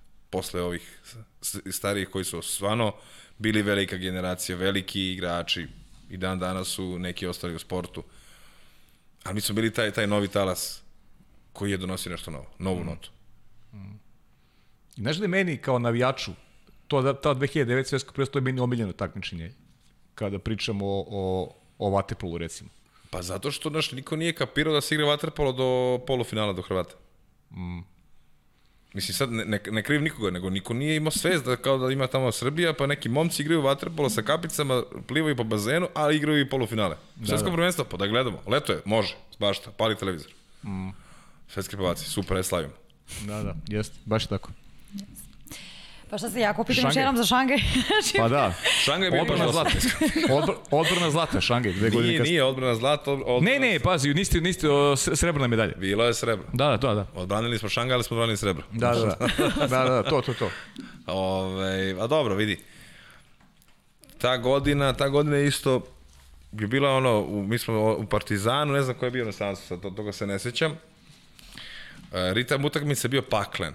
E, mi smo imali jako zahtevne, zahtevnu svetsku ligu gde smo se kvalifikovali za, za London 2012. I to smo se kvalifikovali u Firenci protiv Italijana. Što je e, teško i to je bio cilj, znači te godine to je bio cilj naravno sa Šangajem, da se kvalifikujemo već 2011. na olimpijski igre da bi moglo da se pravi plan program priprema za 2012. bez problema, da se ne ide na kvalifikacije i tako dalje. Plus Final Four koji, je, koji smo igrali većina nas kroz sa Partizanom, znači nema, nema odmora. Mnogo utakmica, nema odmora i nažalost desio se Šangaj taj da smo izgubili od Italije u produžecima u finalu. Nismo bili, bili baš možda i najbolje spremni, ali uh, imali smo jako neverovatnu utakmicu sa Mađarima u polufinalu, gde smo gubili, stizali, u produžecima pobedili i tako dalje. I okej, okay, izgubili smo u finalu, nije bilo lako, teško je podnet poraz, ali idemo dalje. Da. I onda se dešava, onda se dešava posle Londona, tako? Pa- prvo, prvo Eindhoven zima, Pa znaš kako, to, teo sam da te provede malo kroz, kroz evropska prvenstva, nisam, neću sad da, da, da, te, da te mučimo ovde, da pričaš o svakom po na osob evropskom prvenstvu. Meni je recimo Eindhoven interesantan, zbog čega? Zato što si osvojio zlato na svoj rođendan, 29. januara, dao si i gol u tom meču sa Crnogorom, zbog toga mi je interesantan da. taj Eindhoven. Ponovio si to u Budimpešti 2014. godine, sam si naveo Malagu bez rođendana. bez rođendana. Sam si naveo Malagu 2008. i to finale sa Crnom Gorom, a igrao si i na Evropskom prvenstvu u Zagrebu 2010. godine takođe. Jeste, jeste. Ok, a, mislim, znaš, sad toliko si toga spomenuo, a mi smo Da. da. svakom tom takmiči uzeli medalju. Jeste, jeste. I kao, ali glupo što nije zlatna? Da. Pa da, pa to, a to vas uvek prati. Da, ali- vas uvek to neko prati. Kad je nije ljudi- zlato, ko da niste igrali. To, da, to da, je, da. Pa malo smo i mi tu razmazili Jeste, naciju, ali da. ljudi, ja mislim da je nama jako, svaka medalja jako bitna. Jako bitna. Za funkcionisanje i za, generalno za nas igrače. Hmm. Najiskrenije. Reprezentacija diže cenu u klubu, u klubu kako se zove sprema za reprezentaciju. I to je jedan krug i koji ide tako dalje, tako dalje. Naravno ti sa sa medaljom koju donosiš u Srbiju idu sve ostale beneficije koje dobija Savez, ostali klubovi i, ta, i tako dalje. Sad da ne kažemo koliko je to odgovorno samo naš reprezentativac. Naravno. Ne, ne samo nas, nego svih ljudi zaposlenih u krovnoj instituciji e, Waterpola ovde. Mm. Ali okej. I sve je to bilo kako treba. E, zima, prvi put se igra na zimu, 2012. godina Eindhoven Evropsko prvenstvo, e, da bi se napravio da bi se napravio razmak između olimpijskih igara, nije bilo loše. Uzeli su sistem rukometa koji se igra isto zimi, sasvim, sasvim jedna jedna jako lepa ideja. Mislim, čak šta više, hteo sam i da porazgovaramo ovde, da iskoristim priliku da malo pričamo o tom kalendaru vaterpola koji je suludan. Mislim mm -hmm. da vaterpolo je letnji sport koji mora da se igra kad, su, kad je leto i kad su otvoreni bazeni. Mnogo je više atraktivniji, mnogo više privlačniji. Zimi je okej, okay, reprezentaciju svi gledamo, je li tako? Znači je. igramo zimi. Mislim da vaterpolo, moja ideja je da vaterpolo bi bio sigurno 50% bolji, pristupačniji svim ljudima da se igra leti. Interesantno da je većina, mislim većina, najveći deo vas koji ste u Waterpolu to govori stalno, da. Jeste. Mislim da bi tebi isto bilo interesantno da vidiš, je li tako? Svakako. Tako je, da. Jasno. Jasno, potpuno. Jasno. Ona se E, slaže. Hoćemo sada da pređemo na olimpijske igre 2012. u Londonu. E, nekako sam si rekao da ste razmazili naciju i sad od one 2009. ovde se stiče utisak da je kompletna javnost očekivala više. Ali i to finale, i to Da, ta za treće mesto Gorom, sa da. Crnogorom je bilo zaista neverovatno. To je bilo za Hitchcocka čovječ. Za Hitchcocka, ono je ludilo. Da. Ono je bilo... Znači imali smo malte ne, pazi, eh, ajde da ti kažem još jednu stvar, sigurno nisi znao. Na, mi smo, prvi put sam tada video da doktor dobija crveni karton i isključuje ga s klupe. Za utakmicu za treće mesto. Naš doktor je dobio crveni karton i morao je da izaće sa klupe. Pored svih igrača da. koji su imali po tri, e, tri isključenja i tako dalje. Nije mi se I- pohvalio nikad. I naš doktor je dobio crveni karton. Ajde rekao onako mala anegdota. Mm. Neverovatna utakmica, ponovo, e, ali ti godina, šta je interesantno? Svi smo mi mislili da kao Hrvati, kad Hrvatska Srbija, pa je tu neki naboj, pa je tenzija. Jeste bio naboj tenzija. Jeste bio naboj tenzija sa Mađarima. Mm -hmm. Posle 2012. naboj i tenzija su bili najviše sa Crnogorcima. Mm -hmm. Veruj mi. Nije bilo toliko kao sa Hrvatima i Mađarima. Sa Crnogorcima bio najveći naboj. Pa onda imaš 13. kad ispadamo u Barceloni, pa imaš finale u Budimpešti gde, gde ih mi dobijamo. Mm -hmm. A to ti sve pokrenulo kad su dva puta oni uzeli drvenu, drvenu medalju od 2008. i 12. u Londonu. Mm -hmm. Mm -hmm. Ta velika tenzija i taj veći rivalitet nego što je uh, ovaj, Hrvatska i Mađarska. Viš, to prije put, ti prvi put, prvi koji da. govoriš to, da. Da. da. Mislim, ja te kažem, i sigurno, mm -hmm. stojim iza svojih reči. Mm -hmm. Mi jesmo drugari pri, i tako dalje. Ali je veća tenzija bila sa njima nego sa Hrvatima i Mađarima. Ja to viš. Ali i se moglo više u Londonu, šta misliš? Molim? I se moglo više u Londonu. Neko taj poraz u polufinalu... Vidi, mnogo je tu bilo faktora koji su trebali da utiču na to. Najbitnije je da smo mi izvukli medalju u tom trenutku, koja je isto neprikosnovena, neprikosnovena uspeh olimpijskih igara. Da se tu nešto, da se malo bolje poslagale kockice, da, da da je, kažem, mnogo faktora je uticalo na to. Mm -hmm. Mnogo. Italija koja je tamo u tom trenutku igrala baš u dobroj formi, na Hrvatska koja je bila neprikosnovena. Ok, momci su sve to dokazali kasnije u, u, u, ovaj, u Riju, što je meni drago. Mm -hmm. Znaš, mm -hmm. ne možeš baš ti kao sada bupneš na neko olimpijski, olimpijski kao svim, ne može. Mm. Mora, mora da budeš prisutan toj završnici da bi i ti neko da svoji. Da. Znaš. Mm. Treba si budiš i ti u tom Riju, a Izvini što ću da te vratim na taj maj 2015. godine. Prosto, prosto se, ono, nameće se e, kao tema, jer si onako, odjednom si pao, da kažem, na, na dno. Ne znam da li si uopšte spreman da, da nam ispričaš šta se dešavalo, kako se odvijela ta priča koja te negde sprečila da nastaviš da živiš taj, taj vaterpolo san i da dočekaš ono što je tvoja generacija u stvari radila, da osvoji to, e, taj, taj olimpijski, olimpijsko zlato u, u, u Rio. Pa dobro, vidi, znaš kako, znaš kako, pao, ustao, otreso prašina se dalje. Mm -hmm. Evo, da ne bi puno sad nešto stavio akcena na to, ponovit ću se od malo pre, gledam na to kao povredu mm -hmm. koju sam imao, ali ja sam ceo, ceo taj, celu tu situaciju pretvorio u izlaznu strategiju da to bude u, u pozitivno. Mm -hmm. Imao sam više vremena da razmišljam o nekim drugim stvarima, mm, da napravim šta bih možda, čime bih možda profilisao, sa čime bih možda mogao da se bavim posle karijere, ali taj moment sam iskoristio, ustao, nastavio dalje i evo, hvala Bogu, ništa mi nije. Uh mhm. -huh. Da sam propustio, jesam sigurno, ali okej. Da život ti nešto zatvori, a drugo, drugo ti vrata otvori. Da, da. Mm -hmm. Ja znam da te ne davimo ovaj, sa tom pričom više, ali eto recimo pitanje koje se postoje kako si državao svoju formu u to vreme. Nisam skočio u bazen nijedno. Ja. Mm -hmm. Ma nisam mogao iskreno ti kažem. Prvih 8 meseci nisam dođen do ivice bazena. Radio sam teretanu. Radio sam teretanu, vežbao sam redovno, malo sam probao ove, neke druge vrste treninga i tako sam održavao. Bazen mi je, trebalo mi onako psihološki baš dosta da prođe da bi mogao skočiti ponovo bazen. Mm. Ali kad sve saberi odme 17 medalja, 180 mečeva, nije malo. Ma nije loše. Nije loše. nije da. loše. Kako se borio sa osudom javnosti u to? Mislim, mi smo narod koji onako lako voli da uh, i da osuđuje, a da, da, da i ne zna pozitivnu priču uopšte. I si pratio uopšte medije, i si, i si čitao uopšte ovaj, kako, su, kako se javnost ponašala u to, to vreme? Pa sad ja ne znam da sme da kažem, da budemo onako, ali to je onako više neka priča za, za, za neko drugo mesto, ali... A ja ću da ispričam pa ti seci ako, ako misliš da ne može mm, da, da se pusti. Mislim da... Ja sam u to vreme bio u Atini i sad ono, uveče stižu ti naslovne strane novina i tako dalje. I baš sam razgovarao sa svojim, svojim prijateljem koji uh, je prihvatio na sebe da napravimo izlaznu strategiju i svega toga i da radimo sve u dogovoru čovek koji ima ozbiljnu marketinšku agenciju i prihvatio se tog tehnog slučaja. Mm. E, tako da onako komentarišemo zajedno i nastavna strana ne znam kojih dnevnih novina. Uh mhm. -huh. Znači moje, moje naslovna strana, ispod naslovne strane dotični gospodin koji je pobio pola sela, samo piše.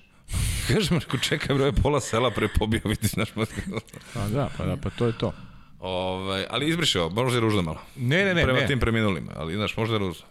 Ne, ne, nije, nije, nije. Znaš zašto? To je negde slika onoga što, što mi generalno živimo. Znaš, ta osuda. Važno je da je neko popularan i onda ćemo da ga razlačimo kroz blato ako... Ma vidi, to je bilo 7 dana i to je to. Pa da.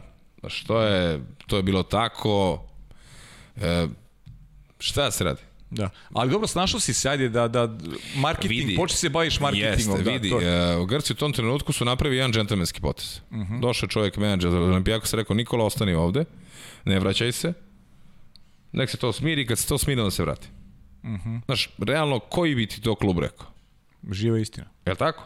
Jeste. Znaš, imaš plaćenu gajbu, ostani, budi ovde, uživaj, to je neki maj mesec. Ja sam bukvalno do jula bio u Atini.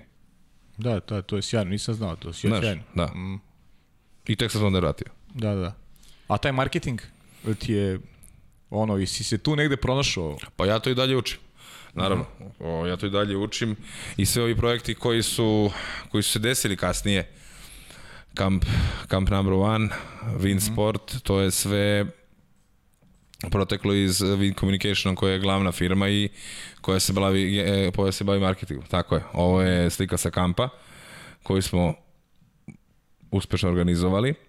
Ove godine smo morali da ga odložimo zbog korone jer čekamo da se, da se stvore normalni uslovi da, da bi, da bi organiz- organizovali ponovo kamp.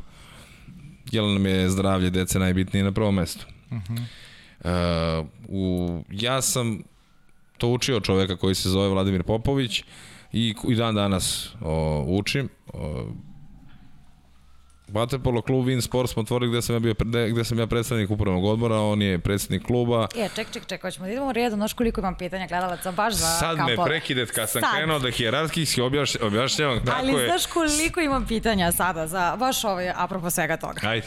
Znači Ajde. da krenemo od toga je, kako si došao na ideju da pokreneš kamp koji okuplja decu iz To je, pro, to je, to je proizašlo iz uh, agencije Win Communication gde smo gledali šta bi moglo, šta bi moglo da napravimo da ni na koji način mogli da napravimo nešto dobro u Srbiji. I bilo je lako. Mi smo najbolji u waterpolu, tako? Kod nas kamp ni jedan nikad nije uspešno organizovan. Jesu organizovani, ali to je na koji način su organizovani bolje da nisu organizovani. Promocija uh, promocija kampa koja je, koja je bila po celoj Srbiji, gde sam ja postavio više od 30 gradova, bazena, škola i tako dalje, e, pozvao decu na kamp, bio sa njima u Vrnjačkoj banji, družio se sa njima, imali su priliku da upoznaju sva naša svetska imena sporta, trenera, igrača, ne samo vaterpolista. Znači, to je bukvalno da deci približimo sportistu. Danas je 21. vek. Oni su bombardovani svim informacijama. Oni kad ga vide, kad provedu vreme s njim, skapiraju ko i šta je. Mm. E, to je kamp nudio. Broj znači number one se zove. E, a koje je najzanimljivije pitanje koje su deca postavila na nekoj od radionica tokom kampa i da li si zaista strog kao trener? Jesam. Jesam jako. Dobro. A pitanje je, se sećaš nekih? Samo sekund. U, imam ja dosta. E, da. slušajte pitanje. Evo ovako, sad se setio. Uh, to je bila druga sezona kampa u Njemačkoj banji, radionica, go, go, i, uh, i, gostom je bio Igor- Milanović. I mi u tom trenutku imamo u sali stotinu deca iz celog sveta. Britanija, Novi Zeland, Izrael, Španija, uh, Francuska, š, govor, ono, stotinu deca iz celog sveta. Igor ima svoju uvodnu reč, pričao je o poziciji centra, kako šta i sad to svi deca upijaju. Malo ovi pačići u prvom redu kljucaju pošto su umorni od treninga, ali nema veze. Znaš, i a, diže se Izraelac i kaže imam ja pitanje. Kaže izvoli. Kaže treneru ja se izvinjavam, ali ja igram poziciju centra. Ja bih uh, voleo da komuniciram sa svojim saigračima kako da im bace loptu ili ja ne mogu, jer kao igram poziciju centra i oni, znaš, stalno sam pod vodom i oni me ne čuju. Kaže Igor njemu, a što bi ti uopšte komunicirao s njima? Dete ovako gleda. Kaže on, evo gledaj ovako. Kaže, jesi nekad sedeo sa devojkom u kafiću? O, jedna protiv drugog. Kaže, jesam. I? Kako komunicirate? Se gledate? Pa kaže, da. I? Pa gledate se, pa se ona tebi smijevi, pa se ti njoj smijeviš. I? I šta onda? i suddenly you feel the butterflies in your stomach. Jel tako? E tako komuniciraš sa svojim saigračima, očima da te baci loptu. Skidaš Igora sjajno. Da. Bio nam je tu, znaš. Da. E, a ovako, ajmo dalje. Stvarno imamo dosta pitanja kada je kamp u pitanju. E, izjavio si da je kamp samo početak, a da je naredni korak stvaranje Akademije Waterpola, pa dokle se stiglo sa tom idejom i kako je zamislio tu akademiju? Mi smo to stvarno uspešno krenuli kroz kamp, ali kažem, ova godina i, ova, e, i situacija sa koronom je sve to odložila za, ne, za neki dalji period. I stvarno ne želim da se, da se, da mislim da bilo šta uh, nastavim da radim dok se ne stvore uslovi bezbedni za decu. I imamo takođe ideju, sad malo onako ekskluzivno da otkrijemo, uh -huh. da, da proširimo na Tinu kamp i da se tamo isto radi. Jer to imamo stvarno podršku i, i, e, i ušli smo čak i u pregovore za ostvarivanje projekata u, u Atini sa ljudima iz Ajeka, takođe iz drugih, drugih klubova, e, grčkih, grčkih klubova atinskih. Mm -hmm. Za održavanje kampa. Jer smo prepoznati kao jedan brend, kao nešto što je jako dobro. I što oni hoće da se dešava u Grčkoj. Mm -hmm. Super. E sad osnovu si, evo, stigli smo do Win Sporta. Kako si zadovoljan dosadašnjim rezultatima i sve pohvale što je klub osnovu Pančevo na nekom većem gradu, zašto se opredelio baš za Pančevo? Pa zato što je neposredna blizina Beograda i zato što smo imali jednu lepu podršku lokalne samouprave i gradonačelnika i zato zbog toga smo se odlučili za Pančev. Najiskrenije. A, tvoj klub je prvi klub u Srbiji koji ima dečeg psihologa. Sve čestitke na tome i verujem da bi drugi klubovi trebali da slede njehov Mislim, primer. Znaš, ja, jako je bitno ono kad se me prekinuo, nije to moj klub, znaš, ima čovjek, imaš, Aha, ima evo, predsednik kluba, koordinator i ja sam predsednik upravnog odbora. Dobro. I to je to. Znači, predsednik kluba Vladimir Popović, pa onda je tu Igor Milanović, koordinator, ja sam predsednik upravnog odbora i to se zove Win Sport i mi sad tu radimo sa decom na način na koji treba se radi sa decom i zato imamo psihologa. Jer, kažem, ljudi danas je 21. vek, ne mogu deca više da da radi se stvari kao što mi radili, kao kad sam ja radio u moje vreme. To je nek, to je naj... Mislim da to ne treba da se govori deci. Ja kad sam igrao u moje vreme, Da, da, to je vreme davno prošlo, znači ovo je neko novo vreme. Mm. Danas deca drugačije razmišljaju, drugačije, drugačije rezonuju stvari. Mm -hmm. I zbog toga je bitan, ped, e, ne, ne kao da sad pedagog, on, pedagog im olakšava uh, na primjer, najčešće pitanja su na kampu samo da, da, da, da napravi malu paralelu.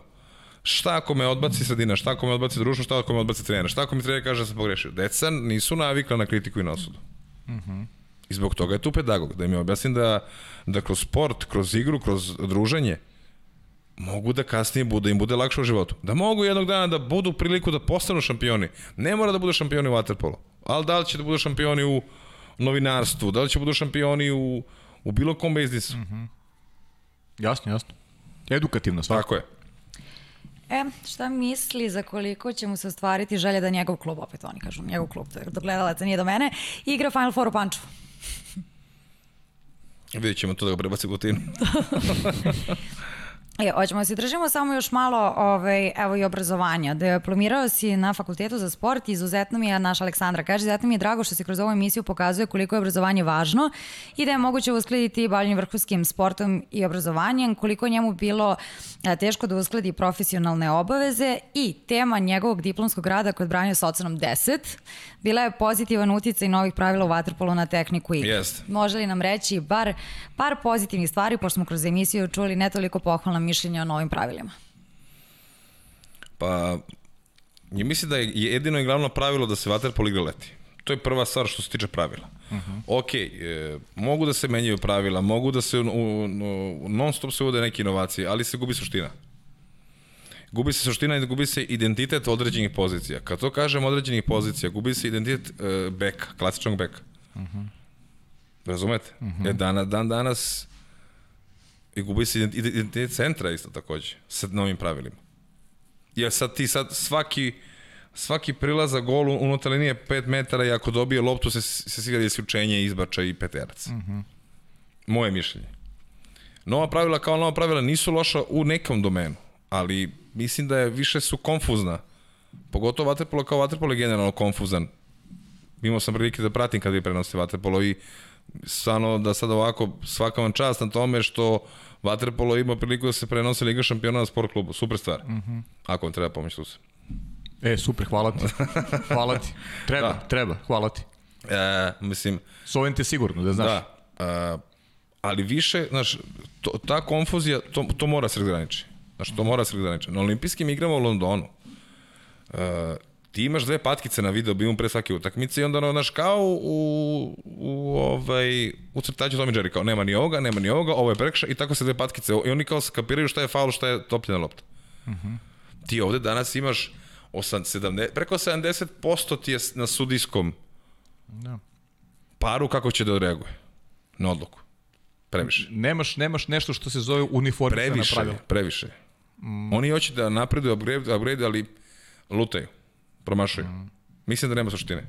Prvo je osnovno pravilo, prebaciti na leto, definisati pravila da se zna. Jer zašto? Kad ti menjaš pravila, ti celu generaciju budućih nekih tamo vaterpolista drugačije učiš. I više se ne napada ovako nego ovako. Da, da. Znaš šta je problem meni? Što, recimo, znaš, ja nikad nisam igrao vaterpolo, ja po, uh, učim, učim, naravno, volim, ja gledam, ali nisam igrao. I onda je nekad, znaš kad mi nekad kaže neko od vas, da recimo neke situacije, recimo gledamo na TV, ne znam šta je sudija svirao. Znaš, to je ono što je, što je ozbiljan problem. Jako je konfuzno, kažem ti. Da, da. Jako je konfuzno. Mm. Šta je sad on uradio? Zašto kontrafaul? Mm. Okay. prvo treba srediti, znaš, definisati pravila. Definisati sve živo, pa približiti publici. Jasno, jasno. Evo, zadržat ću te još malo. A, piše završetku fakulteta, zdobio je zvanje diplomiranog trenera. Da li će se nakon završetka karijere upravo posvetiti tom pozivu i to u svom klubu ili će možda biti PR? Uh, lepo pitanje. Mislim sad, jedna od razloga što sam prihvatio Grčku je za neki, ajde da kažem, lagana strategija izlaska iz igračke karijere uh, i ostajanja pored bazena, tako da kažem, i ostajanja u sportu. Da li će to biti kroz organizacijonu neku ovaj, strukturu ili kao trener, to ćemo još videti. Uh -huh. Interesuje me to, imam sposobnosti za to i, i volim to. Tako da, što bih menjao nešto gde se osjećam da mi je prijatno i udobno. Naravno. E, još jedno, da li pamtiš dan kada si zabeležio svoju prvu trenersku pobedu zajedno sa koleginicom Draganom Ivković? Pamtim, pamtim, pamtim. To smo igrali, uh, sedeli smo na klupi zajedno i igrali smo protiv Pančeva smo igrali. Aha. To je kao bilo u sklopu promocije. I onda smo igrali protiv Pančeva i onda smo pobedili. Mislim, daš, uvek smo gledali da, da bude interesantno, da se kao mi dođemo, nego oni igrali smo, imali smo neki kviz, imali smo uh, utakmice, pa smo, svaka promocija je bila drugačija, jedinstvena, da bi deca, da, znaš, da izanimiraš decu. Da, da. Uh -huh. I onda je to bilo super, u Pančevu je bila utakmica, što je bilo genijalno. Uh -huh.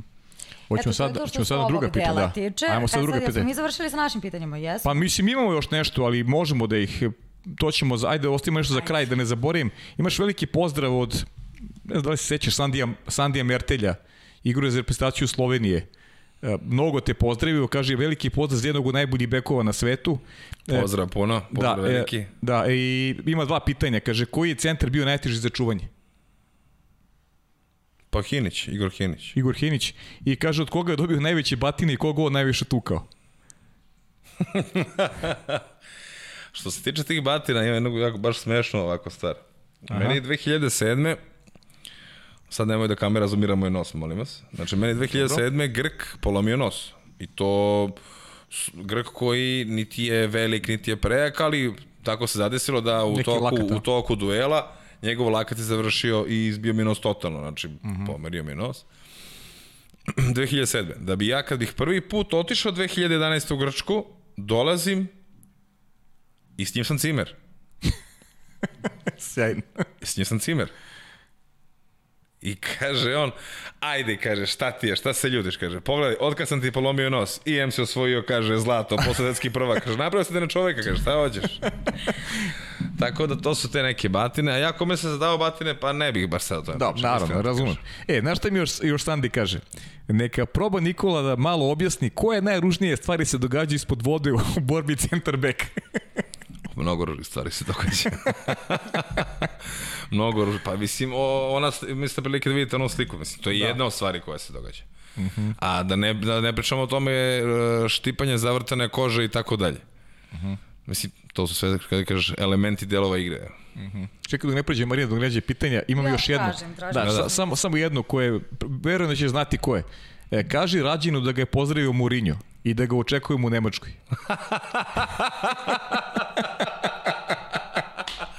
Pozdrav za Mourinho, veliki. Kaže, I pita ga gde bi volao da završi karijeru. U Atini definitivno. Dobro, znači Vuk Vuksanović te pozdravlja. Znam, znam, I, znam. ovaj, ja evo gledam, ja ih imam dosta na U pola- Atini, pola- ali ako se javi na vreme, vidi se raz. Da, da nik, nikad se ne zna, da, da. Ja imam dosta... Imaš pitanje da li žališ za nečin danas, eto, to je Ne. pitanje, da. Ne. Da, Pa to mislim, nema, znaš, realno, Jeste. e, blistava karijera.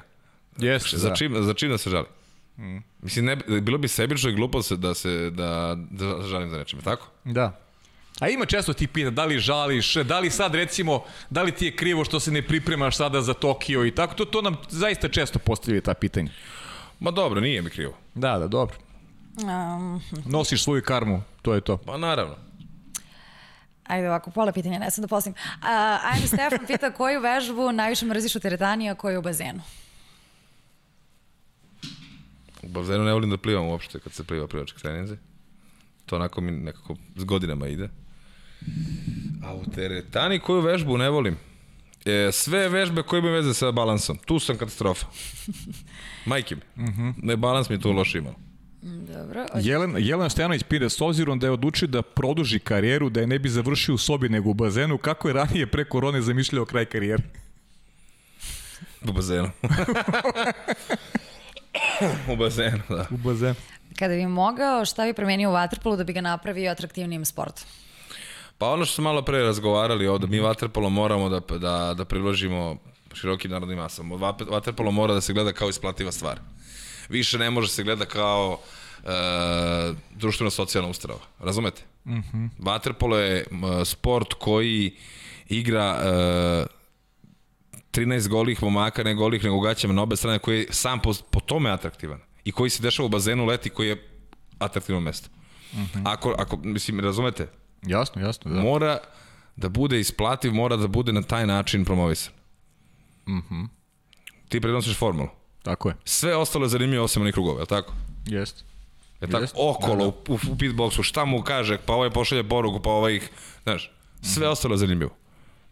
Pazi kada formula je po- po- poprimila takav, takav, mislim, e, dajem tako poređenje, nemoj da me neko loše shvati.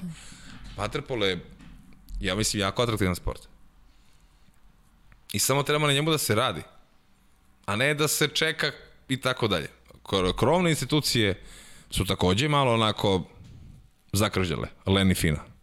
Ovi na- nabraćaju toliko pažnju, ove, oni su to napravili kao svoje privatne preduzeće i onda najviše pati vaterpolo zbog toga. I onda ti imaš ostiju gde prenosiš ostiju kao da prenosiš iz garaža, imaš Budimpeštu gde se vidi sve kao na dlanu. Jeste. Znači, to su detalji koji su jako bitni, pogotovo za tebe. Da, naravno. Dobio si dosta pozdrava iz Hrvatske. Evo jedno pitanje. a To zaista dosta ljudi pita. Kako izgleda njegov trening eh, snage u teretani, ako može objašnjenje. Dosta ljudi zapravo pita stvarno kako treniraš. Pogotovo klince zanima. Šta tačno radiš? Pa vaspi, e, vaspitanje u teretani je jako bitno. Prva stvar, svaka vežba mora da se izvodi pravilno. Svaka vežba mora da ima svoj početak i svoj kraj i mora da bude ista od početka. Interval vežba mora da bude isti od početka do kraja. E, kultura teretane je jako bitna za sportistu jer pogotovo za kontakt i sport ti moraš da imaš snagu. Specifične vežbe da, a, I ono što, što sam ja na sebi radio kao klinac, mislim, na neki način sam eksperimentisao, pronalazio vrstu vežbanja koja meni najviše odgovara. Nismo mi baš imali sad puno tih nekih trenera za teretanu, imali smo oni koji su nas doveli do nekoga do, do nekog nivoa i onda smo kasnije morali sami. Ok, hvala Bogu, sad stvarno ima ljudi koji se time profesionalno bave i mnogo je lakše. Ali imali smo neki gap u, u karijerama gde smo sami morali da da vidimo šta našem telu prija. Jelena Stanović pita kakvi su braće Pjetović kao cimeri. Jedan je dobar, jedan loš. Neću kaže koji. Pa ajde, samo ćemo da nagađamo. Samo ćemo da nagađamo. Mm, ajde, prvi, prva utakmica osjećaj, to smo te pitali. Um, ishrana. Šta jedeš? Sve. Pa ovo, ovo kad je sta- stane, krene stane, krene stane sve, ali do, dosta mi je jednostavno iskreno kad se, kad se trenira. Bu- bukvalno je zasnovana više na nekom proteinskom, na, na proteinskom obroku sa malo ugljenih hidrata i puno salate. Jelena isto, e da, ovo je interesantno, da. E, neka anegdota sa proslave zvezdine titule u Dačinoj kafani.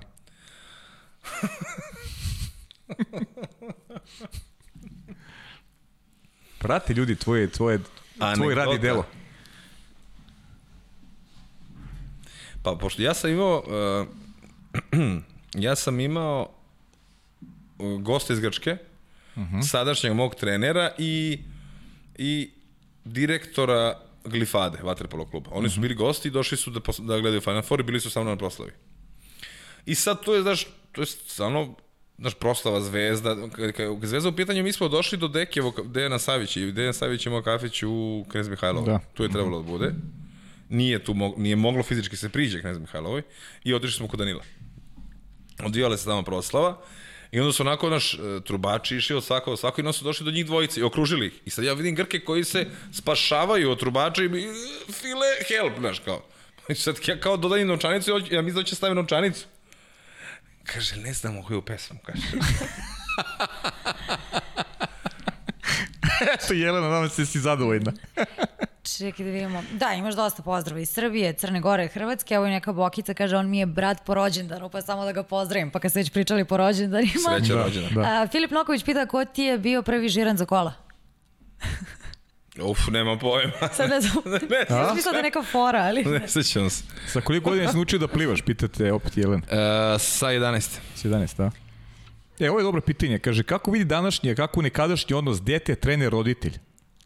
Kao i odnose u timu. Ali ovo je interesantno, dete, trener, roditelj. Pa jako, totalno drugačije.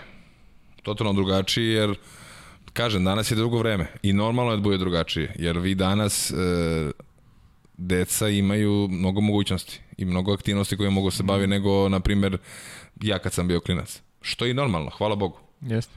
Ali mislim da treba imati prave animatore kako se držati decu na nekom sportu. Uh Mhm. -huh. Razumete? Uh -huh. Takođe, postoji i toga da su se roditelji malo više upleli u odnos dete treneri ili tako dalje. Imate preambicijski roditelji, to je to.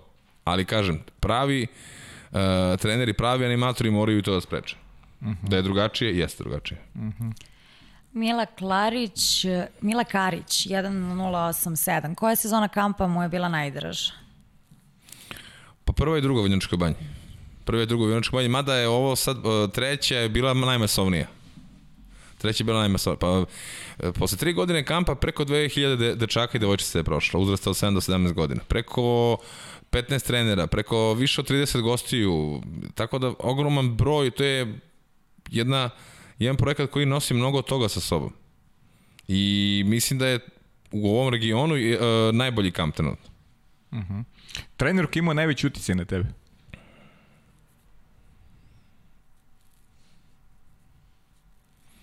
Slobodan Pavko, prvi trener. Omiljeni saigrač? Sad možda izaberemo. Duško Pjetlović. Duško Pjetović. Najnezgodniji golman. Svi su nezgodni, ne, svi su nezgodni. Ne misli, ne misli se fizički, ne misli se fizički. Nisi rekao. Ma svi su nezgodni, bre. Svi su nezgodni. Polu grbavi svi, bre. Čuli ste golmani? Da, da. Gojko, čuo sam. da. Filip, da li, su, da li misle da su mogle pobede sa Vonu u finalu Len Kupa 2005? Pa mislili smo, ali bili su jači od tada nas. Mislili smo, jer tad smo baš daleko dogorili sa Partizanom. Po, na banji smo dobili jedan razlik, tamo smo izgubili tri, čini mi se. Koji ti je najlepši period bio u Moskvi? Zimski. Zimski. Za centar smo rekli, tako da, rekli Da. smo za centar, da. Dobro. Jo, pa je traži pitanje, ja imam dosta muzičkih. Nema veze, evo, da, životni sportski moto, ajde. Neka provuče kako se zove neku muziku neki. Da, da, da. Životni sportski moto, eto, to je Jelena isto pita. U ponos je majka svih uspeha. Kako izgleda jedan dan Nikole Rađana? E, zavisi gde. E, pa možda. Ne, Sve zavisi što ti gde. pade na pamet. U Atini izgleda tako što se ja probudim, izađem e, iz stana, popijem kafu, odem na trening, odem na ručak, vratim se kući, odmorim, pripremim se za teretanu, odem u teretanu i odem uveče na bazen. Posle toga večera, spavanje. Dan kad je utakmica, to je onako dosta mm, nezanimljivo u smislu zato što je sve podređeno u utakmici, a kada imam više vremena za opuštanje, kad nemam dva treninga dnevno, čak se i vidim sa nekim prijateljima, pa imamo prilike da se onako ispričam i podružim. Eto, on ti pitaju gde najviše voliš da izlaziš. A ne moraš Pa da navodiš ovako. sad? Pa ne sada, ali inače. Ajde da bude Pa prvo, em, bude ja, grad. em, ja nisam ni bio tu, živao sam u Moskvi, pa bi se desila korona, sad sam u Atini. Da. Čekaj, da imam. Koliko ti je štete, ajde moram barem nekako da začinim, koliko ti je štete donalo to što si bio neverovatan magnet za žene od kad si postao popularan? A ko je to pitao? Uh, L'amour c'est moi. Kogod se krije za toga, ali pitanje je pitanje, Nikola. Pa dobro, to je sve što nosi uspeh. Of, skromni smo, skromni smo, dobro, dobro. A, koliko imaš tetovaža? 1, 2, 3, 4. Dobro. Čekaj da vidim šta još imam. Jo, imam dosta pitanja, ali... Ne, nisu sva za čitanje, znam, ne, ja sam uopšte. Ne sve uopšte. um, Ti je neko ponudio neko klopu. ima ponuda, znaš koliko hoćeš. Stvarno? Pa Ali ne za da klopu. Ali ne za klopu. A, koji je uzrok neuspeha u Barceloni 2013. i da li je bila loša atmosfera? Ajde, neko normalno. Nije bila loša atmosfera 2013. Koje, to je prva godina Dejana Savića kada je preuzeo reprezentaciju. Ali nije to bila loša atmosfera. Jednostavno ispali smo od, od e, Crnogoraca koji su u tom trenutku bili bolji od nas. Uh u knockout faze mi smo bili prvi u grupi, dobili smo Mađare koji su tad bili uh, svetski šampioni. Mi smo ih dobili lagano četiri razlike. Samo desi se ljudi, mislim, naš, i, i mi nekad izgubimo. Da bi, da bi pobedili mora izgubimo prvo. Normalno. Gde najviše voliš da ideš na more? U Grčku. Gde? A, mislim, sad vidi, idem u Grčku. Dobro. Pa, evo, pomagaj. Ajde Pa sad ne, sad, pa znaš kako, ti ja možemo sada da pitamo nešto iz, iz Waterpola, onako, ne, ja znaš. stvarno sad gledam, Pošto pa- pola ti, pis- znaš da tebi šalju pitanja, samo meni, šalju, meni na to pola manje smo ide. odgovorili, manje više, a pola su stvarno, trudim se da nađem neko, ali eto, ne mogu. Mislim, ne mogu, Ajde, Ne vidi, da ti vidi šta još ima, pa pitaj. ajde, ja ću da vidim još pola, stvarno ne znam da pitam. A, samo ću ti reći da ponuda ima na koliko hoćeš. su, ko, samo da reci mi prirodu ponude. A, pa od žena. Bračne. Ne bračne. Ne bračne? Dobre. Da, dobro, Dobre. Dobro je, da. ne bračne, mislim, Kaži mi kako gledaš, ajde kad smo već, dok Marina traži možda neko pitanje koje možda postavi, kako gledaš na, na, na ovaj aktualni trenutak u srpskom klubskom vaterpolu? Malo se stvari neko pomeraju sa mrtve tačke, barem, barem meni tako izgleda. Meni deluju kao da su stabilne. Da su stabilne, aha. Meni deluju kao da su stabilne. Ili imao sam prilike to da vidim prošle godine i meni deluju da su stabilne. I ja bih volio tako da ostane. Jer, jer e, radnički kvalitetno radi, Zvezda je stabilna, Partizan, ja se nadam da će se sad sa momcima koji su preuzeli Partizan da se malo promeni nešto. Mislim, treba da se promeni. Pa, I okej. očekuje se. Novi Sad koji je stabilan, evo danas su devojke osvojile, uh, u stvari osvojile su kup, jel tako? tako je. Prva titula ženska u istoriji. Znači, vidi se neki rast. Uh, kontinuitet postoji. I jako je bitno to da se drži. Jako, Šabac, e, isto. Šabac takođe, da, bravo. Šabac takođe. Ja, meni je jako drago što, što stvari se čine stabilni. I ja bih voleo tako da ostane. Jer ima moment sad da se Mitar vratio, da će se gro nekih igrača takođe vratiti kao što se Ćuk vratio u Novi Beograd. Da, da, Što čini ligu jako o- o- ozbiljnijom. jeste. Konkurencija je velika. I to je potrebno u srpskom vaterpolu. Prirodna konkurencija, selekcija da bi novi neki mladi Rađen, Prlejnović, ovi oni odbijali u da. reprezentaciji. Dobro je što si ovo Jadranska liga takođe igra, sad opet. Mislim, nije loše, Ja sam tu, nisi, ona, ja sam onako, baš, ja nisam istomišljenik, uh -huh. treba da postoji, ali nisam još is- is- is- is- istomišljenik. Jer to u Waterpolu, onako, to je više Hrvatska liga nego što je Jadranska liga. Aha, Znaš?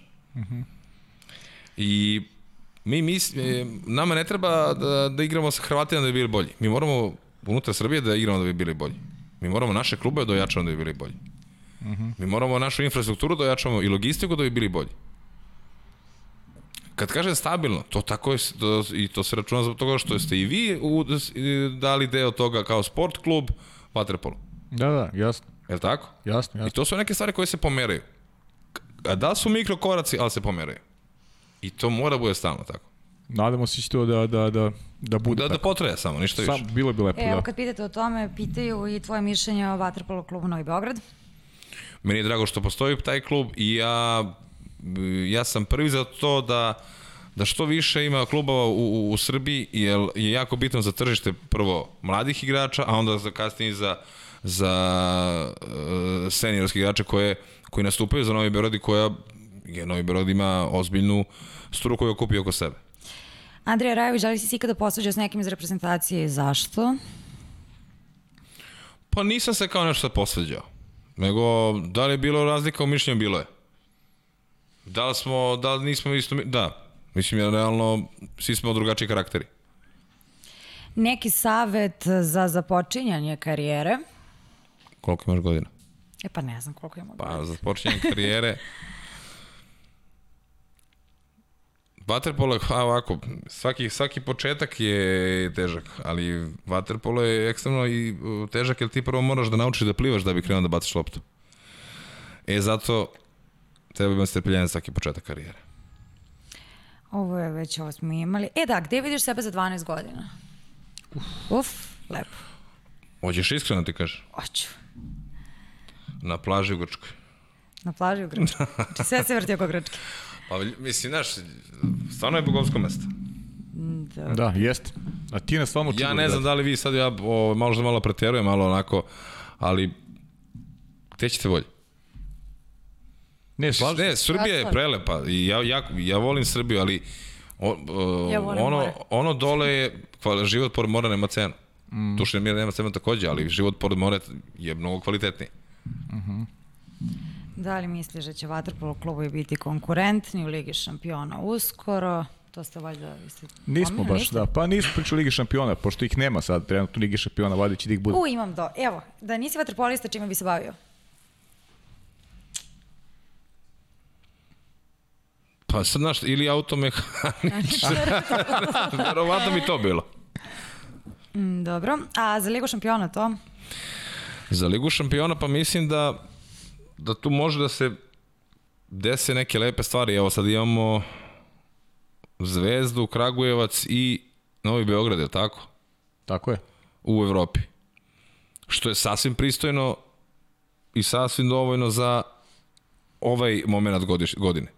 E, naša, tri, naše tri ekipe koje su u najelitnijem takmičenju u tom formatu, nek se oprobaju, došli su do knock- knock- knockout faze, pa ćemo vidjeti što dalje može. Znači, što je najbitnije, prezimili su u Evropi. Tako je. A, kako popraviti rad nogu u bazenu? E, rad nogu u bazenu, ako se misli na e, nogi bicikl, to jest noge škare, mislim da to mora da se prevashodno na suvom popravi koordinacija nogu. Kako to? Boljim strečingom, e, specifičnim način, načinom vežbanja, da bi se postigao bolji rad nogu u bazenu. Kako izgleda tvoje zagrevanje pred utakmicu i da li si sujeveran? A, ako, da sam sujeveran, pa dobro, imam ve, način vezivanja kapice koji vezujem to je to, znaš, sam, mm -hmm. i to radim ono od vekada, znaš. I viš koliko pitanja? Da, da, ima A, a dosta. znaš koliko ih nije pročitano? A da, Ne nisam smem. pročitala pola, stvarno. Ali, ove, jel, jel možemo da otkrijemo barem za gledateljke tvoj emotivni status? Ubiše se od pitanja. Moj emotivni status ispunjen. E, to je to onda. Ove, I onako ne sam da pitam. Ova ostala, eto, da barem smo im učinili toliko. Pa šta znam, da to bude to. Pa da, može, možemo da, da naravno da pričamo na kraju o onom ono što je najlepše svako. Da, ja uvek za kraj ostavim porodicu, imaš dve čerkice, pa eto da završimo sa tim najljepšim. E, jeste sam, ja tebi slao slike, nisam. Nisi je. Pa da I šta? to možemo da ubacimo, eto. Ajde sada ne, ne pravimo Da, da, da. vašar, okej. Da. Uh, vidi, znaš, pored svih medalja i svih uspeha, znaš, to je najveći, to je najveće moje zlato. Njih dve su moje najveće zlato i ja sam jako ponosan na njih. Dobre su devojke, zdrave su, dobre su u školi, slušaju mamu i tatu, što je najbitnije.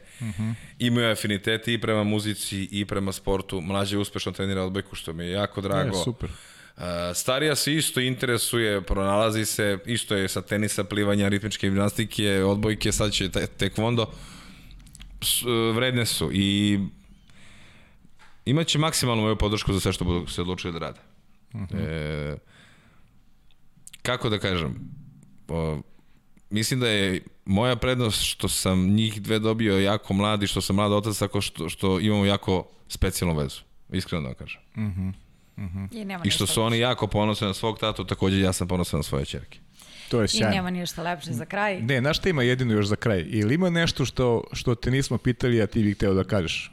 Eto, to je, to je jedino za kraj. Pa ništa, sledeći put pravimo podcast negde na pored mora. Dobro, mislim, svakako ćeš da budeš ti ponovo naš gost, jer ja sam uživao u ova dva i kusur sata. Pa nemoj Hvala da ti što me, si ja iskren. se izvinjavam ako, ako je nešto bilo ono neregularno i tako da je, Ne, to ćete bilo vi je- kasnije vidjeti, da, ali uh, hteo sam da to bude i interesantno i zanimljivo i komično, Ne, super je jer bilo. mislim da vaterpolo nije samo lopta go i tako dalje. Znaš, to je Jasno. i pre utakmice poče, i posle utakmice. Jasno. Pa mislim, nam, naša ideja ovde, to sad zavisi od gostiju naš. Mislim, vaše priče su inspirativne, vaše priče su fenomenalne i, i mi uživamo. I drago mi je što si imao tremu na početku što si se posle opustio, jer to jeste poenta nekada pričamo onako, da pričamo Opušteno, polu da. neobavezno, opušteno, a da vi opet vi ste junaci nekog, nekog doba u kojem, kome živimo i, i veliko je zadovoljstvo što imamo priliku da vas, da vas ugostimo iz nedelju u nedelju. Hvala što imate, hvala vama što ste me prvo pozvali, hvala vama što imate ovako jednu ideju koja je super. Mislim da, da je ovaj materijal koji je ovde urađen, koji ste vi uradili, jedna izuzetna stvar. Mislim da je to datoteka jedan kojarni vaterpolo savez nema. Ali ovaj, sve to super i trebalo bi da se nastavi u tom ritmu. Hoćemo. Hvala sport klubu. Hvala tebi Marina, hvala tebi Pavle što sam bio gost, bilo Hvala, mi je hvala prelepo. tebi, Niko. Hvala, hvala ti Mi smo puno. svakako uživali, sigurno sam da su i gledalci, a hoćemo da najavljamo sledeći Hoćemo pa sledećeg, mislim, nije tajna, već smo negde najavili. Već smo da. najavili, tako da. je, sledeći nam je Boba Nikić, tako da uživajte u intervju sa E, mogu ja postavim pitanje, Bobo Nikić, sad da... Obavezno, ali, ali, ali, ali ne sad. smemo sad. Aj, kad završimo, kad završimo postavit ćeš Ajde još jedno, ode na špicu onda. Ajde. Ajde, Ajde, uživajte. uživajte. ne, a ajde da kažemo, ovo ćemo iz početka onda. Ajde. u špicu. To je to. Pavle, hoćemo da najavimo goste. Hoćemo da najavimo gosta. Sledeći gost nam je Boba Nikić, kao što već i znate, šaljite poruke na Instagramu i pitanje za njega, a sasvim smo sigurni da ćete uživati u intervju sa Nikolom Rađenom. Hvala vam na pažnji i doviđenja. Ćao.